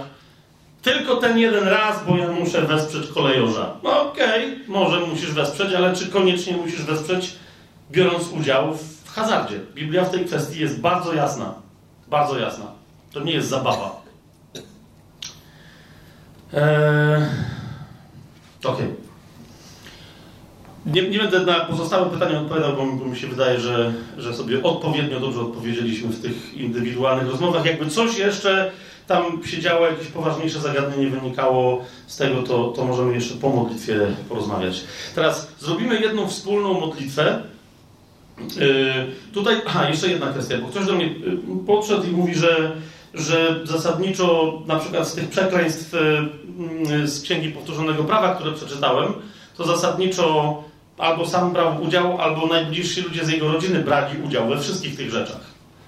E, pytanie moje y, wtedy brzmi, no dobrze, ale czy widzisz przekleństwo, tak? Bo, bo naprawdę jest też tak, że zwłaszcza niedawno się nawróciwszy, przechodzisz wiesz, przez krzyż, przez, przez usprawiedliwienie, przechodzisz przez chrzest i bardzo wiele osób dzisiaj na szczęście już u nas przechodzi y, przez y, cały ten proces tak świadomie, że Pan może zrobić wszystko to, co chce zrobić i są uwalniani od wszelkiego przekleństwa. Tak?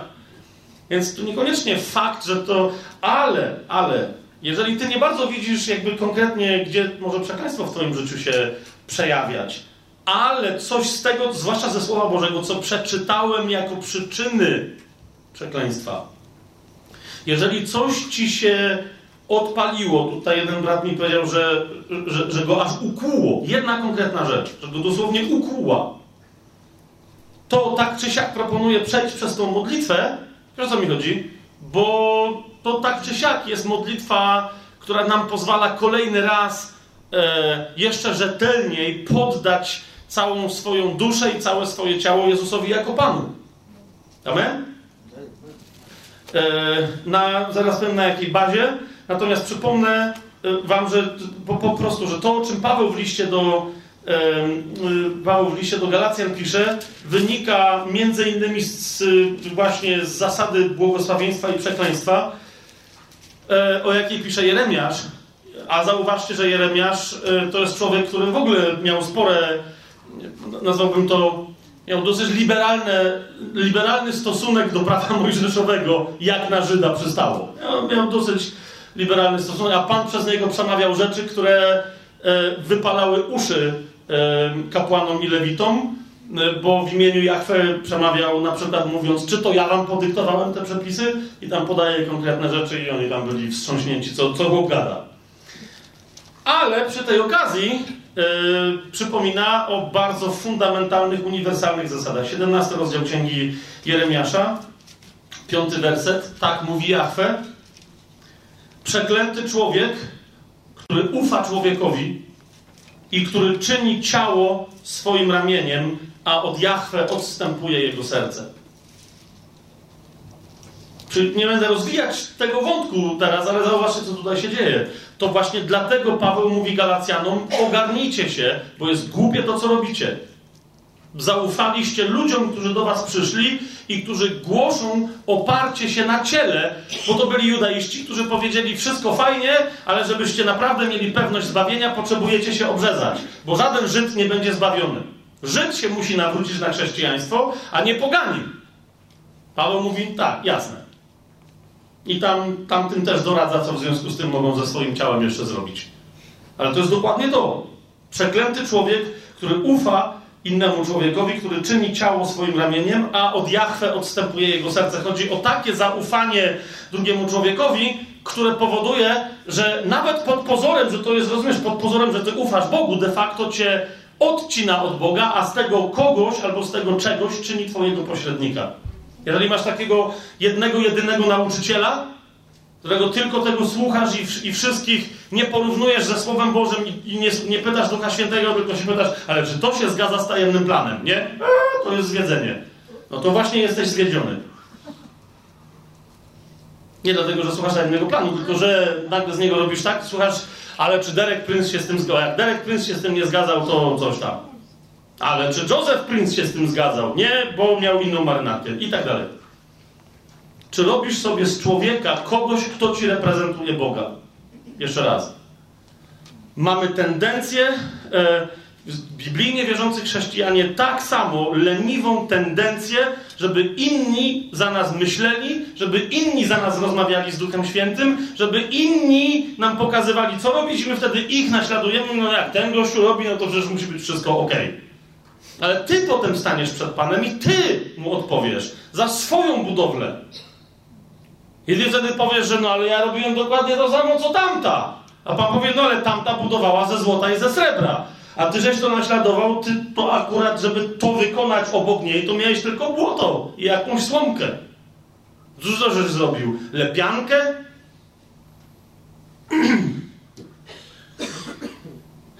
Przeklęty jest taki człowiek. Zawsze szósty werset będzie jak wrzos na pustyni, który nie czuje, gdy przychodzi coś dobrego, ale wybiera suche miejsca na pustyni w ziemi słonej i bezludnej. Wielu chrześcijan się ze mną dzieli, takim, mówią, że mają depresję, potem rozmawiam z nimi i się okazuje, że nie mają depresji, ale to jest dokładnie diagnoza ich stanu. I mówią, wiesz co, ja jestem wdzięczny Bogu, i, ale to, bo wiem, że muszę. Widzę, ile mam błogosławieństwa w życiu, dziękuję innym ludziom, ale tak naprawdę to dobro, które do mnie nie przychodzi, nie cieszy mnie aż tak bardzo.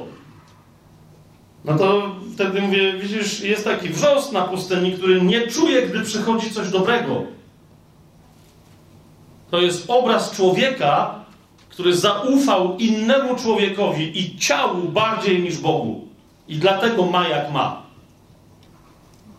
Przemyśl, co się dzieje, jeżeli w twoim życiu, jeżeli twoje życie...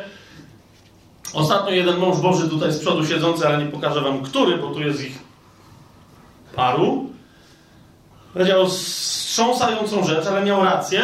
Jeżeli chrześcijanin rozpoczyna swój dzień smutny i kończy nadal nie odzyskawszy radości, e, to trwa w grzechu. Po, po prostu. Bo, bo jak inaczej wytłumaczysz fakt, że nie masz w sobie jednego z absolutnie podstawowych przejawów owocu Ducha Świętego? Którym jest radość? Ja, jak, to, jak to wytłumaczysz? Więc pomyśl. Jak bardzo serce ci się wyrywa, żeby Bogu dziękować. Kiedy, kiedy, kiedy słowo do ciebie trafia, kiedy oczy ci się w duchu otwierają, bo ktoś naucza e, i to jest dla ciebie objawienie. Kiedy się modlisz za kogoś i widzisz skutek tej swojej modlitwy, jak bardzo wtedy biegniesz do Pana. Pamiętacie ilu? Dziesięciu? Pan Jezus z syfu takiego śmiertelnego, jakim był trąd uzdrowił, pamiętacie? I ilu wrócił? Absolutnie idealny obraz dzisiejszego chrześcijaństwa. Włącznie z uwolnieniem od takiego śmiertelnego trądu, jakim jest grzech. Wraca jeden, regularnie, żeby dziękować Jezusowi. Cała reszta uważa, że zrobiła Bogu łaskę, że się nawrócili. Natomiast dalej, siódmy werb, bo widzicie, wszędzie jest albo przekleństwo, albo błogosławieństwo. Zauważ zamiast Bogu człowiekowi, to będziesz jak ten brzos. Ale jeżeli, jeżeli będziesz naprawdę ufać Panu, zobacz co się dzieje. Błogosławiony człowiek który ufa Jahwe, którego nadzieją jest Jahwe. Będzie bowiem jak drzewo zasadzone nad wodami, które swoje korzenie zapuszcza nad strumieniem i nie zauważa, gdy upał przychodzi, ale jego liść pozostaje zielony. W roku suszy nie troszczy się i nie przestaje przynosić owocu. Jeszcze raz przyjrzyj się, siostro i bracie, człowieku Boży, przyjrzyj się swojemu życiu. Czy jest posłucha w Twoim życiu duchowa? Czy uważasz, że jesteś osobą, która przynosi owoc? I jeszcze raz, nie obcyndalaj się. Wybaczcie mi określenie, ale to gorsze powinno paść. Nie obcy, rozumiesz, co, co to ma... Konkretne pytanie mam. Rozumiesz, i w duchu ci je zadaję i duch ci powie, jak ty nie chcesz sobie odpowiedzieć. Czy przynoszę w moim życiu dzisiaj owoc 30-krotny, 60-krotny czy 100-krotny? Jak masz wątpliwość, czy w ogóle, to, a może ktoś powie, ja taki pojedynczy przynoszę. Tak, i kiedyś będziecie potem przynosić podwójny, potem poczwórny. Na razie jest pojedynczy. Nie ma takiego owocu. Albo 30, albo 60, albo 100-krotny. Który ty dzisiaj przynosisz? Jak nie przynosisz żadnego, jeszcze raz, to, to jesteś drzewem zasadzonym nad taką wodą, która się nie przejmuje suszą? Jeszcze raz, to, znowu, to jest taka koncepcja mistycyzmu katolickiego, e, w ramach którego ktoś przychodzi i mówi: Ja nie mam, nie mam żadnego w ogóle, po, po, mam posłuchę, mam oschłość, mam noc ciemną, duszy, ciała i wszystkiego naraz i to trwa. Niektórzy przechodzą takie próby, zrozumcie mnie dobrze, ale ja nawet będąc w zakonie, większość takich kumpli, których jezuitów, którzy mi tak przechodzili, nie, nie tylko. A zwłaszcza ci w duchowości karmelitańskiej. Ci dopiero mieli noce ciemne non-stop. Jak przechodzili, to mnie człowiek, no nie, ze swojego dziadostwa nie rób od razu mistyki. Rozumiesz? Masz posłuchę, bo to trudno mieć co innego w twoim stanie. Wieczorem nie idziesz porządnie spać, tylko chlejesz z kumplami, opowiadacie głupie rzeczy. Rano musisz wstać, bo są wykłady.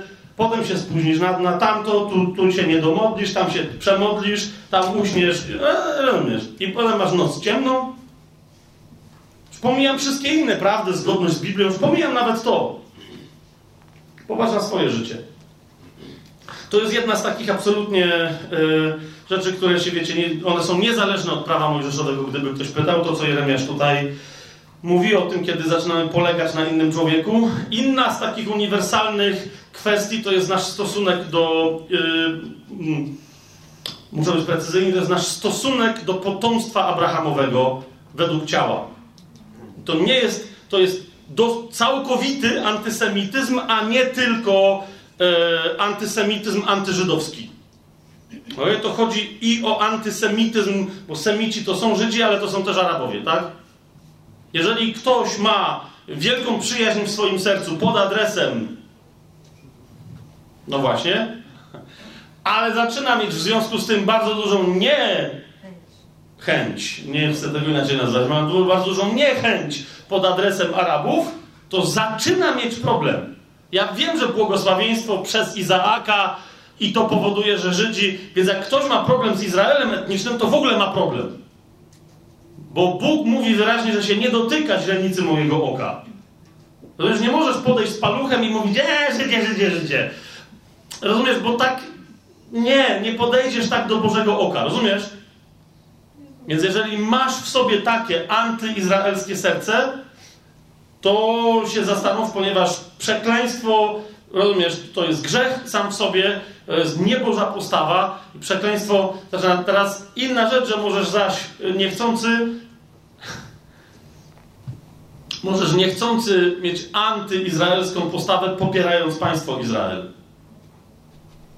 Są chrześcijanie, którzy pomieszali fakty i zamiast zrozumieć, czym jest naród Izraela, a czym jest państwo Izrael, zaczęli popierać politykę państwową zamiast Żydów z krwi i kości. Rozumiecie, co mi idzie? Ostatnio rozmawiałem z jednym bratem, on się ciężko zdziwił, ponieważ spotkał w Nowym Jorku e, Żydów niemesjańskich, e, Hasydów e, z Chabad Lubawicz, którzy, on mówi, że się zdziwił, bo przestraszył się, czy to nie są jacyś przebierańcy, ponieważ nigdy w życiu nie słyszał tylu przekleństw pod adresem państwa Izrael, co od nich. Oni uważają, że to jest absolutnie diabelskie dzieło i że to jest w ogóle bez związku z narodem Izraela, że to jest coś skierowane przeciwko temu narodowi. Więc jeszcze raz, nie chodzi o filo-izraelizm bezkrytyczny, jasne jest to, co mówię, ale uważaj, żeby nie zagościło w Twoim sercu, yy, zagościły niechęć, czy wręcz nienawiść do Żydów jako do, yy, do narodu, bo Bóg sobie na to nie pozwoli. Okay? Więc to jest jeszcze drugi taki przykład czegoś absolutnie, absolutnie uniwersalnego. Do tego stopnia uniwersalnego, że Paweł o Jezusie nawet mówi, że że to jest tak uniwersalne, że dlatego Jezus przyszedł jako sługa obrzezania. Wy się teraz na to nie powołujcie, bo jego dziełem było wprowadzenie także pogan, ale tak, Jezus przyszedł jako sługa obrzezania ze względu na obietnice dane ojcom Izraela. Amen? Teraz zrobimy, teraz zrobimy y, w ten sposób. Ewangelia Łukasza. Ta modlitwa jest dla osób, które są nowonarodzone, jest dla osób, które są zbawione. Yy, które, które są pod panowaniem Jezusa, które są, e, które wyznały Jego panowanie tak, że są e, po prostu chcą być Jego przyjaciółmi, chcą być Jego uczniami, Jego Jezusa. Chcą całym swoim życiem wyznawać, że Jezus jest Panem. Jeżeli jesteś taką osobą, to wtedy Ewangelia Łukasza 10-19. Zanim przejdziemy do wspólnej modlitwy jako Kościół, po prostu uczymy się modlitwy tego rodzaju, wolności od przekleństwa, yy, a, a każda nasza modlitwa, każda postawa musi wynikać z obietnicy i z gwarancji, jaką mamy w Słowie. Jedna z takich gwarancji to jest Łukasz 10:19. Oto daje wam moc stąpania po wężach, skorpionach i po wszelkiej mocy nieprzyjaciela, a nic wam nie zaszkodzi. Jasne to jest? Nie tylko bo, bo, wiele osób się powołuje na, na, ten fragment, mówiąc o tym, że mamy możliwość wyrzucania e, demonów i uwalniania ludzi od wpływu złych duchów. Oczywiście, że tak, ale tu jest też mowa o mocy e, wężowej i skorpionowej. Daje wam moc stąpania po wężach, skorpionach i po wszelkiej mocy nieprzyjaciela. Jasne to jest? Więc to się tyczy także usuwania e, przekleństwa. Dalej, fragment, który już czytalimy, ale jeszcze raz zobacz go na oczy, jak trzeba, to sobie go przeczytaj na głos w trakcie tej, tej y, naszej modlitwy, y, ponieważ jak Tymek powiedział, Słowo Boże, zapisane Słowo Boże, wypowiedziane przez Pana Słowo jest znacznie bardziej rzeczywiste niż to, co w danym momencie odczuwasz na jakiś tam temat. List do Galacjan daje nam mm, radykalne zapewnienie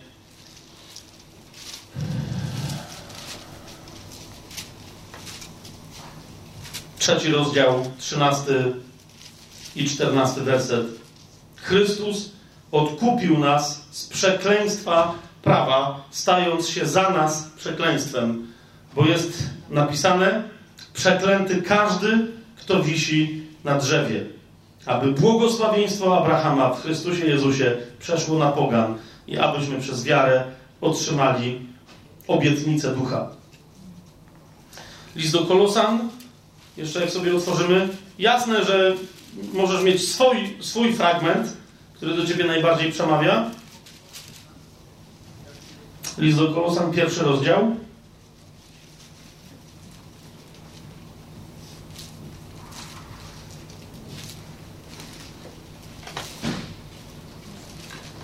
Przypomina nam pierwszy rozdział do Kolosan, 11 werset i dalej, że jesteśmy umocnieni wszelką mocą według Jego chwalebnej potęgi, ku wszelkiej cierpliwości i wytrwałości z radością, dziękując Ojcu, który nas uzdolnił do uczestnictwa w dziedzictwie świętych światłości, który nas wyrwał z mocy ciemności i już przeniósł do królestwa swojego umiłowanego Syna, w którym mamy odkupienie przez Jego krew, przebaczenie wszystkich grzechów. Amen? To jest, to jest, to jest dokonane dzieło, to jest, to jest, to jest baza tego, to jest podstawa tego, e, tego co teraz, e, co teraz, mm, co teraz chcemy zrobić. Jeżeli sobie jeszcze otworzysz e, drugi list do Koryntian, na sam koniec. Piąty rozdział, 20 i 21 werset. Tak więc w miejsce Chrystusa sprawujemy poselstwo. Tak jakby Bóg upominał was przez nas. W miejsce Chrystusa prosimy, pojednajcie się z Bogiem. On bowiem tego, który nie znał grzechu, czyli Chrystusa, za nas uczynił grzechem, abyśmy my w nim stali się sprawiedliwością samego Boga. Jasne? Krzyż dokonał tej wymiany, w ramach której ani grzech, ani cokolwiek potem może być jego skutkiem, żadne przekleństwo, nie może mieć nad nami żadnej władzy. Krzyż dokonuje tej wymiany. Jeżeli my z jakiegoś powodu, spod mocy tego krzyża, spod mocy łaski zmartwychwstania naszego Pana się po coś usuwamy, pamiętaj, że nasza natura ciągnie nas na drugą stronę krzyża. Więc teraz, zanim pójdziemy dalej, o tym pamiętając, zacznij od. Yy, będziemy mieli na to, bo już mieliśmy tam przerwę, ale jakieś dwie, trzy, cztery minuty może. Pomyśl sobie o, o rzeczach, o których tu dzisiaj była mowa. Być może słowo może z czymś się skonfrontowało. Czy jest jakiś problem w Twoim życiu? I czy widzisz jakiś związek między tym problemem a jakimś grzechem w swoim życiu? Jeszcze jedna kwestia, która przy tej okazji jest niezwykle istotna, e, mianowicie przebaczenie. Pamiętaj, że jak ktoś cię uraził, zwłaszcza po twoim nawróceniu w kościele, jakiś chrześcijanin, chrześcijanka, całe nauczanie czyjeś, ktoś się mógł nawet nie znać, coś powiedział, usłyszałaś przez internet i to cię dotknęło e, jakkolwiek. Pamiętaj, noszenie w sobie urazy to jest grzech. To jest trwanie w nieprzebaczeniu. Jeżeli tak czy inaczej idziesz za radą Pana Jezusa i modlisz się, Ojcze nasz, któryś jest w niebie i tak dalej, i tak dalej, to w momencie mówisz, odpuść nam nasze winy dokładnie tak, jak my odpuszczamy naszym winowajcom. Więc jak Ty nie odpuszczasz, to się nie dziw, że Ojciec też się wycofuje i Cię zostawia z tym Twoim nieodpuszczeniem. Jasne jest? A więc, a więc czy masz sobie jakieś nieprzebaczenie wobec kogoś? Bo często z tego wynika zaproszenie przekleństwa do swojego życia i do życia innych ludzi.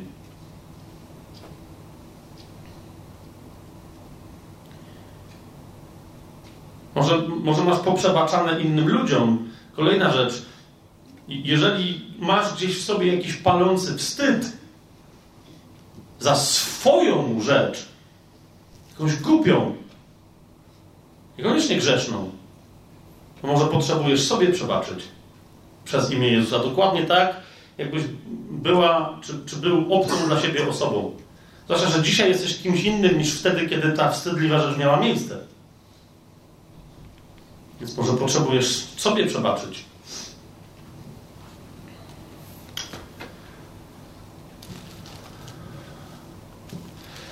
O, jeszcze jedna rzecz.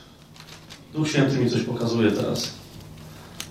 Cały czas jest tutaj parę osób, które, mm, które potrzebują powiedzieć Bogu coś parę osób, które potrzebują przebaczyć Bogu. Wiem, że to jest idiotyczne, to Bóg nam przebacza, a nie my Bogu. Chodzi o to, że, że tu jest parę osób, które tak czy siak mają w sobie pretensje do Boga. Boją się jej wypowiedzieć. To jest nonsensowne, bo jak jej nie wypowiesz, to jak chcesz, żeby łaska tam zaczęła działać? Jest taki szokujący fragment w Biblii, w księdze Jeremiasza, dla wielu osób, nawet dla Żydów, E, jeszcze bardziej przerażający niż pierwszy rozdział Ezechiela czy cała pieśń nad pieśniami. Niektórzy, nie, niektórzy uważają, że w ogóle to jest oznaka, że Jeremiasz w momencie zwariował i że to słowo tylko i wyłącznie o tym mówi, że Jeremiasz zwariował. Mianowicie Jeremiasz w pewnym momencie na wezwanie, które sam podnosi, żeby uwielbiać Boga i żeby oddać Mu chwałę, zaczyna przeklinać. Pamiętacie taki fragment? Z 20 rozdział Księgi Jeremiasza, 13 werset do 18.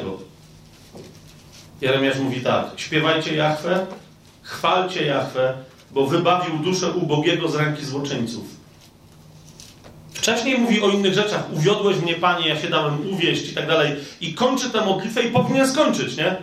Ale wszystko gra. Pan wybawia z ubogiego. Chwalcie Jachwę. I patrzcie, co zaraz mówi, jaka jest jego pieśń pochwalna. Przeklęty dzień, w którym się urodziłem. Niech dzień, w którym urodziła mnie moja matka, nie będzie błogosławiony. Przeklęty człowiek, który oznajmił mojemu ojcowi, mówiąc: Urodziło ci się dziecko, chłopiec, sprawiając mu wielką radość. Niech ten człowiek będzie jak miasta, które Pan zniszczył bez żalu. Niech słyszy krzyk o poranku i wołanie w południe, tylko za to, że mnie nie zabił zaraz od łona, żeby moja matka była moim grobem, a jej łono wiecznie brzemienne. Po co wyszedłem z łona? Aby doznawać trudu i smutku? Aby moje dni były strawione wśród hańby? Szoker, co? Szoker.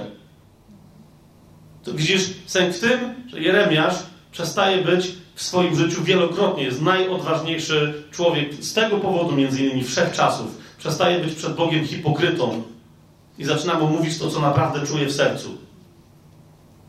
I, i paradoksalnie to jest uwielbienie. Zrozum mnie dobrze. Mówi, Boże, ja się tak czuję. Amen? Ja się dokładnie tak czuję i ja wiem, że ty po prostu ja to muszę wypowiedzieć. I dlatego to jest moja pieśń. I potem przechodzi, natychmiast dostaje słowo, zaczyna prorokować. Rozumiecie? Więc jeszcze raz, jak masz sobie urazę do Boga, to przestań, skończ, skończ tą hipokryzją. Rozumiesz? Skończ tą bigoterią, skończ tym fałszem, że ty sobie na temat Boga myślisz, co myślisz, ale tego nie wypowiesz, bo jak nie wymyślisz, że Bóg o tym nie wie, więc jeszcze raz, w tym sensie mówię, Bóg ci nic nie zawinił, ale ty możesz tak myśleć. Jak tak myślisz, to to wyraź. I, I zdziw się, jaka będzie Boża reakcja na to. Więc przebaczenie sobie, może wobec Boga wypowiedziane, wobec innej osoby, jak to jest w Twoim życiu? Co Cię jeszcze boli? Teraz, Duchu Święty, pokazuj nam w naszych sercach osoby, którym jeszcze nie przebaczyliśmy. Przyjdź do tych, którzy teraz proszą Cię o tą Twoją interwencję, bo chcą być wolni. Nie chcą trwać w nieprzebaczeniu. Żeby ten grzech nie sprowadzał przekleństwa na nich czy na ich bliskich. Pokaż im, Duchu Święty, komu jeszcze mają odpuścić. Odpuścić.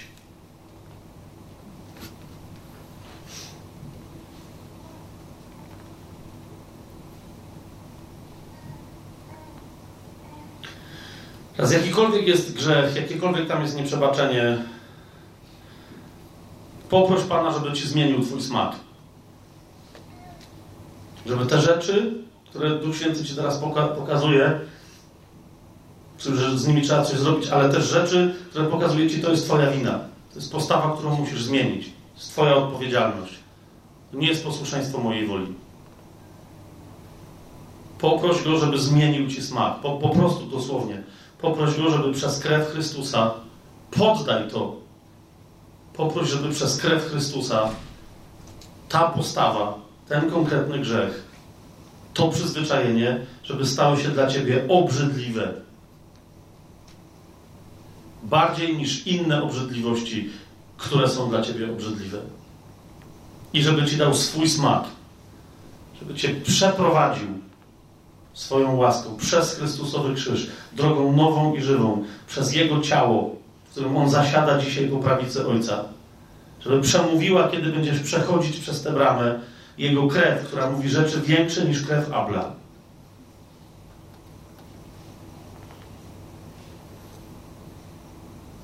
Ty się nie możesz oczyścić, ty się nie możesz uświęcić, ale pozwól, żeby Cię Duch Święty teraz przeprowadził przez krzyż, i świętość Twojego ducha rozlał na całą Twoją duszę i całą Twoją duszę i całe Twoje ciało. Bo tylko taka uświęcona, tylko taki święty możesz stanąć teraz przed Ojcem. Do Ojca się przychodzi czystym i świętym. Do Ojca się nie przychodzi, żeby z Nim załatwiać swoje grzechy. Grzechy są załatwione gdzie indziej, raz na zawsze.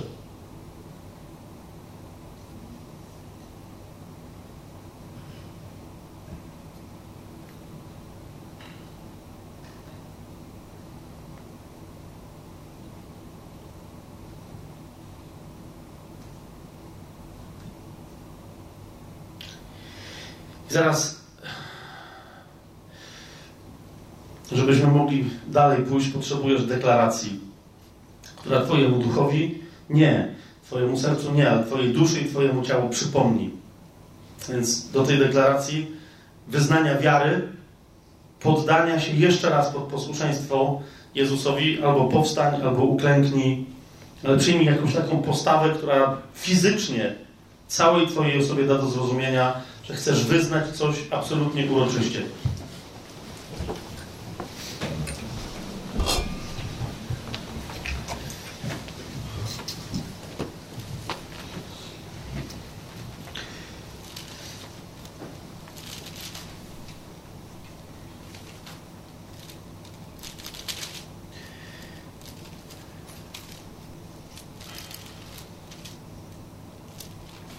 Jesteś uczniem, jesteś uczennicą, więc nie powinno stanowić dla Ciebie to absolutnie żadnego problemu. Powtarzaj za mną te słowa. Ojcze, w, imieniu Jezusa Chrystusa i mocą Ducha Świętego chcę dopełnić Twojej radości. Chcę pełnić Twoją wolę. Nie chcę niczego czynić z kłótliwości, ani z próżnej chwały, ale chcę żyć według umysłu Chrystusa. Chcę w pokorze uważać innych za wyższych od siebie. Dokładnie tak jak Jezus. Chcę, żeby było we mnie Jego nastawienie umysłu. Chcę, żeby działał przeze mnie Twój duch. Tak, jak działał w Jezusie, który ogołocił samego siebie, przyjmując postać sługi i stał się podobnym do nas ludzi. A z postawy uznany za człowieka uniżył samego siebie i był posłuszny aż do śmierci. A była to śmierć krzyżowa. Dlatego teraz wyznaję, Panie, że moje usprawiedliwienie jest w Jezusowej krwi. Moje zbawienie jest w imieniu Jezus. I poddaję całą moją wolę pod posłuszeństwo Jezusowi. Bo Ty, Ojcze, wielce go wywyższyłeś i darowałeś mu imię, które jest ponad wszelkie imię. Aby na imię Jezus zginało się wszelkie kolano. Na niebie, na ziemi i pod ziemią. I aby wszelki język wyznał, że Jezus Chrystus jest Panem. Ku Twojej chwale, Ojcze. I ja dziś wyznaję, nie dlatego, że muszę, ale dlatego, że chcę. I jest to moją radością, że Jezus jest moim Panem. Rezygnuję ze zdecydowania w moim życiu. Schodzę z tronu mojego życia. I raz na zawsze oddaję ten tron Jezusowi. Chcę, żeby tylko On, Jezus, decydował w moim życiu. Chcę pełnić tylko Jezusową wolę. Bo Jezus wyraża Twoją wolę, Ojcze. Duchu Święty, w imieniu Jezusa, mojego Pana, na chwałę Ojca, spraw we mnie chęć, która będzie zgodna z chęcią Bożą. I daj mi wykonać pragnienie zgodnie z Ojca upodobaniem. Mów głośno, bo sługa Twój chce słuchać. I daj mi siłę, abym usłys usłyszawszy mógł działać.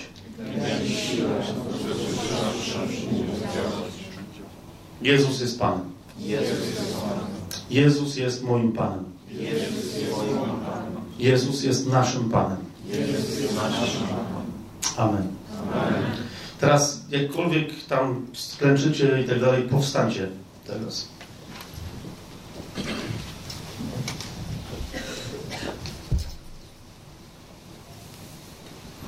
Teraz chodzi o to, że nie możecie teraz tego za bardzo po mnie powtarzać, więc ja już nie będę mówić przez y, mikrofon.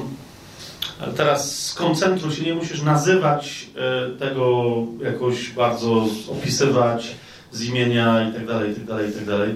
Ale jeżeli jest w Twoim życiu jakieś przekleństwo, które podejrzewasz, jakiś wpływ demoniczny, który podejrzewasz, jakieś zasadzki, które diabeł na Ciebie zastawiał, w imieniu Jezusa Chrystusa zgodne z Jego wolą, żeby Jego dzieci postępowały, żyły i postępowały w błogosławieństwie. W imieniu Jezusa Chrystusa teraz sprzeciw się wszelkiej sile przekleństwa, wszelkiej sile diabelskiej w swoim życiu. Amen? Po prostu wypowiedz, wypowiedz to. Na, no, okay, ja będę, dobra, ja się będę modlił teraz przez mikrofon, żebyście mniej wiedzieli, jak to może wyglądać, ale chodzi mi o to, że nie mógł się za innych teraz, ale mów w swoim życiu. Mów do swojego życia w imię Jezusa w Duchu Świętym. Ok? W imieniu Jezusa Chrystusa, mocą Ducha Świętego, na Twoją chwałę, Ojcze, zwracam się teraz przeciwko wszelkiej zasadce diabelskiej w moim życiu, przeciwko wszelkiemu przekleństwu, jakie mogłem ja, świadomie czy nieświadomie, na siebie ściągnąć, albo ktoś inny chciał przeciwko mnie wysłać w imieniu Jezusa Chrystusa, mocą Jego śmierci, mocą Jego zmartwychwstania, mocą Jego drogocennej krwi, mocą Jego krzyża, mocą Jego pustego grobu, mocą Jego zasiadania na tronie po prawicy Ojca, mocą imienia Jezus, mocą Jego świętego Ducha. Teraz przełamuję wszelkie przekleństwo w moim życiu. Teraz mocą tego imienia, mocą dokonanego dzieła krzyża, mocą mojego narodzenia się na nowo z Jego łaski, przez Jego słowo, z Jego woli, Sprzeciwiam się wszelkiemu wpływowi diabelskiemu w moim życiu. W życiu moim, w życiu mojej żony, w życiu mojej rodziny, w życiu moich bliskich, w życiu moich przyjaciół, w życiu wszystkich moich sióstr i braci, z którymi jestem związany tak, jak tylko Pan o tym wie. W imieniu Jezusa Chrystusa wszelkie związania, które nie pochodzą od Ducha Świętego, ale pochodzą tylko i wyłącznie z przekleństwa, z mocy nieprzyjaciela, albo wprost z jego działania, zrywam w tym momencie w imieniu Jezusa Chrystusa. Raz na zawsze. Wszelkie przywiązania, związania, wszelkie uzależnienia, wszelkie nieszczęścia, jakie już się zdarzyły, jakie były planowane przeciwko mnie. W imieniu Jezusa Chrystusa przeciwstawiam się im w pokoju, świadom, że nie ja muszę walczyć, ale Jahwe dla mnie walczy. I On teraz wysyła swoich aniołów, aby mnie bronili, aby mnie strzegli, aby nieustannie Duch Święty mi przypominał, że tych, którzy są z nami jest wielekroć więcej niż tych, którzy są z wrogiem. Że tym zwycięstwem, którym zwyciężyliśmy świat, jest nasza wiara. W imieniu Jezusa Chrystusa, mocą Twojej krwi, Panie, uwalniam moje życie od wszelkiego związania, od wszelkiego przekleństwa, od wszelkiej suchości, od wszelkiej posłuchy, od wszelkiej bezowocności, które są niezgodne z Twoją wolą.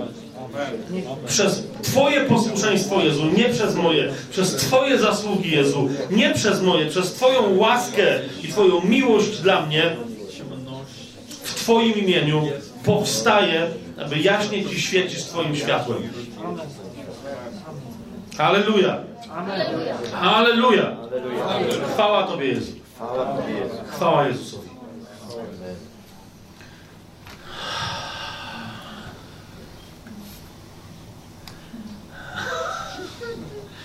Zrobimy jeszcze jedną rzecz na koniec. Nie na koniec, to będzie na, na koniec tej, tej modlitwy, a na początek wszystkiego następnego. Mm, list do Rzymian nam przekazuje zasadę 12 rozdział.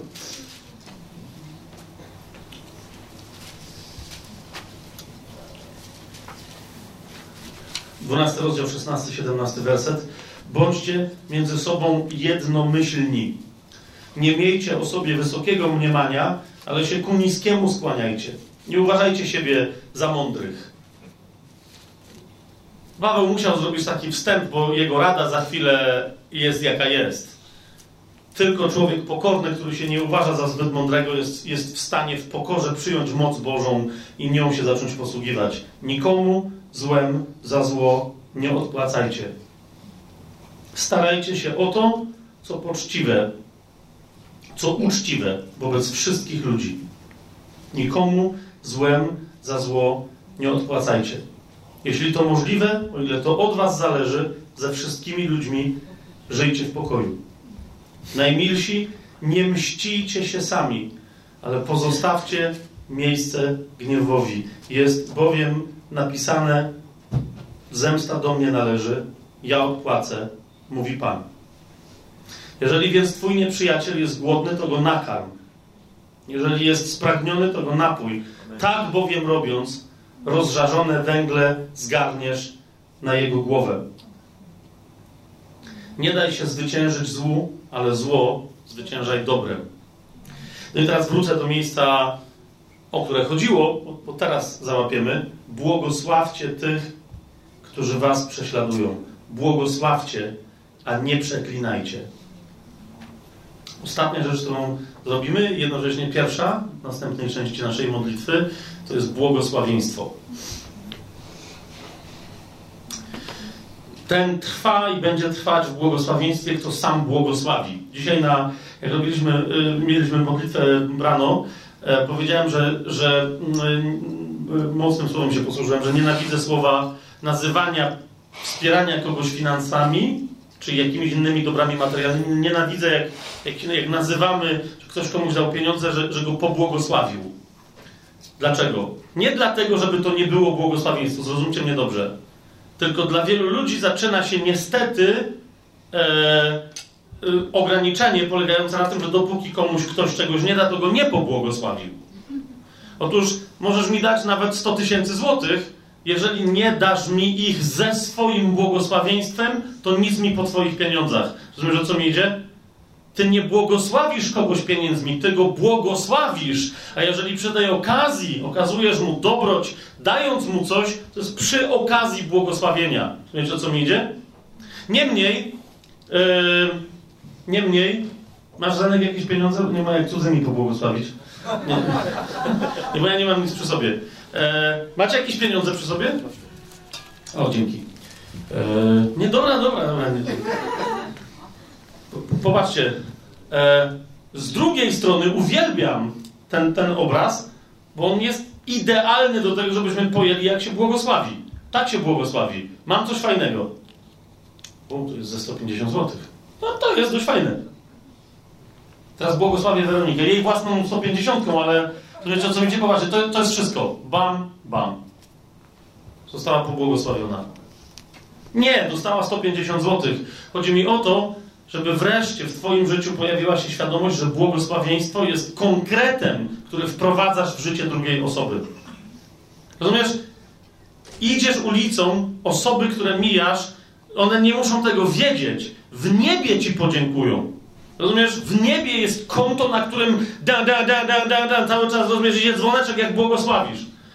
Idziesz, patrzysz, jakaś dziwna dziewczyna, błogosławisz ją w imieniu Jezusa Chrystusa. Jakiś fajny facet, błogosławisz go w imieniu Jezusa Chrystusa. Jakiś otyły bandzioch, błogosławisz ten bandzioch w imieniu Jezusa Chrystusa. Amen. Rozumiesz?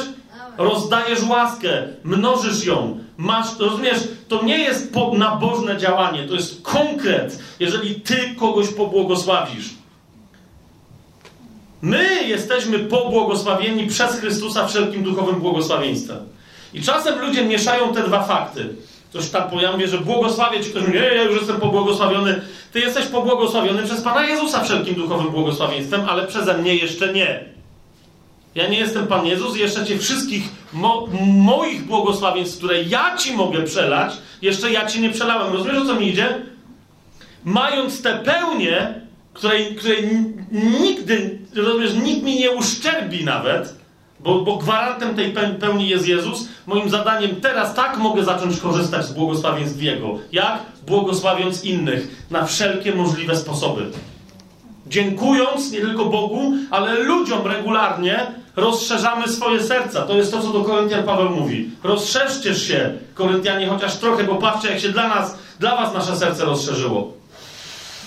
Dziękując Bogu i innym ludziom, błogosławiąc Boga i innych ludzi. Amen? To zróbcie teraz taką akcję. Wyobraź sobie, że masz teraz na ręce błogosławieństwo, którego skutkiem będzie uzdrowienie z raka. Raz na zawsze, nie tylko osoby, na którą tę rękę teraz położysz, ale całej jej rodziny, we wszystkich pokoleniach, aż do powrotu Pana Jezusa. Czyli jeszcze maksymalnie w dwóch. Ale zawsze coś. Wyobraź sobie, że, wyobraź sobie, że masz na ręce błogosławieństwo finansowe, które, które spowoduje taki przełom, że od tej pory ta osoba będzie regularnie miesiąc miesiąc błogosławić misjonarzy na całym świecie w kwocie 100, 200, 300 tysięcy złotych. Wyobraź sobie, że masz takie coś na ręce. Czy chcesz to uruchomić w życiu swojego brata i siostry, czy chcesz sępić i dać mu 20 złotych? Co chcesz zrobić w jego życiu?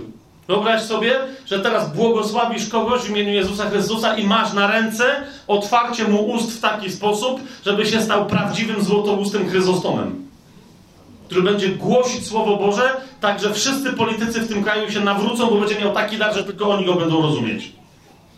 Czaisz, co się dzieje? Wy, wyciągnij rękę.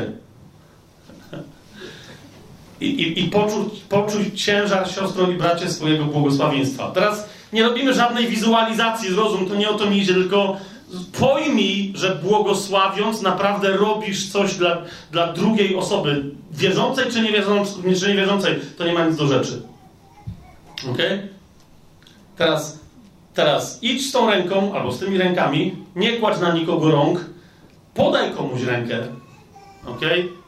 I po prostu pobłogosław go w imieniu Jezusa. Nie mów mu na co. Niech się potem zdziwi, niech ma partę niespodziankę w swoim życiu. Wróci do domu, a tam zaczyna uzdrawiać. Więc z tym błogosławieństwem, które masz, do którego nas Pan zobowiązał, że mamy wszystko i wszystkich błogosławić. Podaj rękę i powiedz, błogosławię Cię, bracie. Błogosławię Cię, siostro. I idź dalej.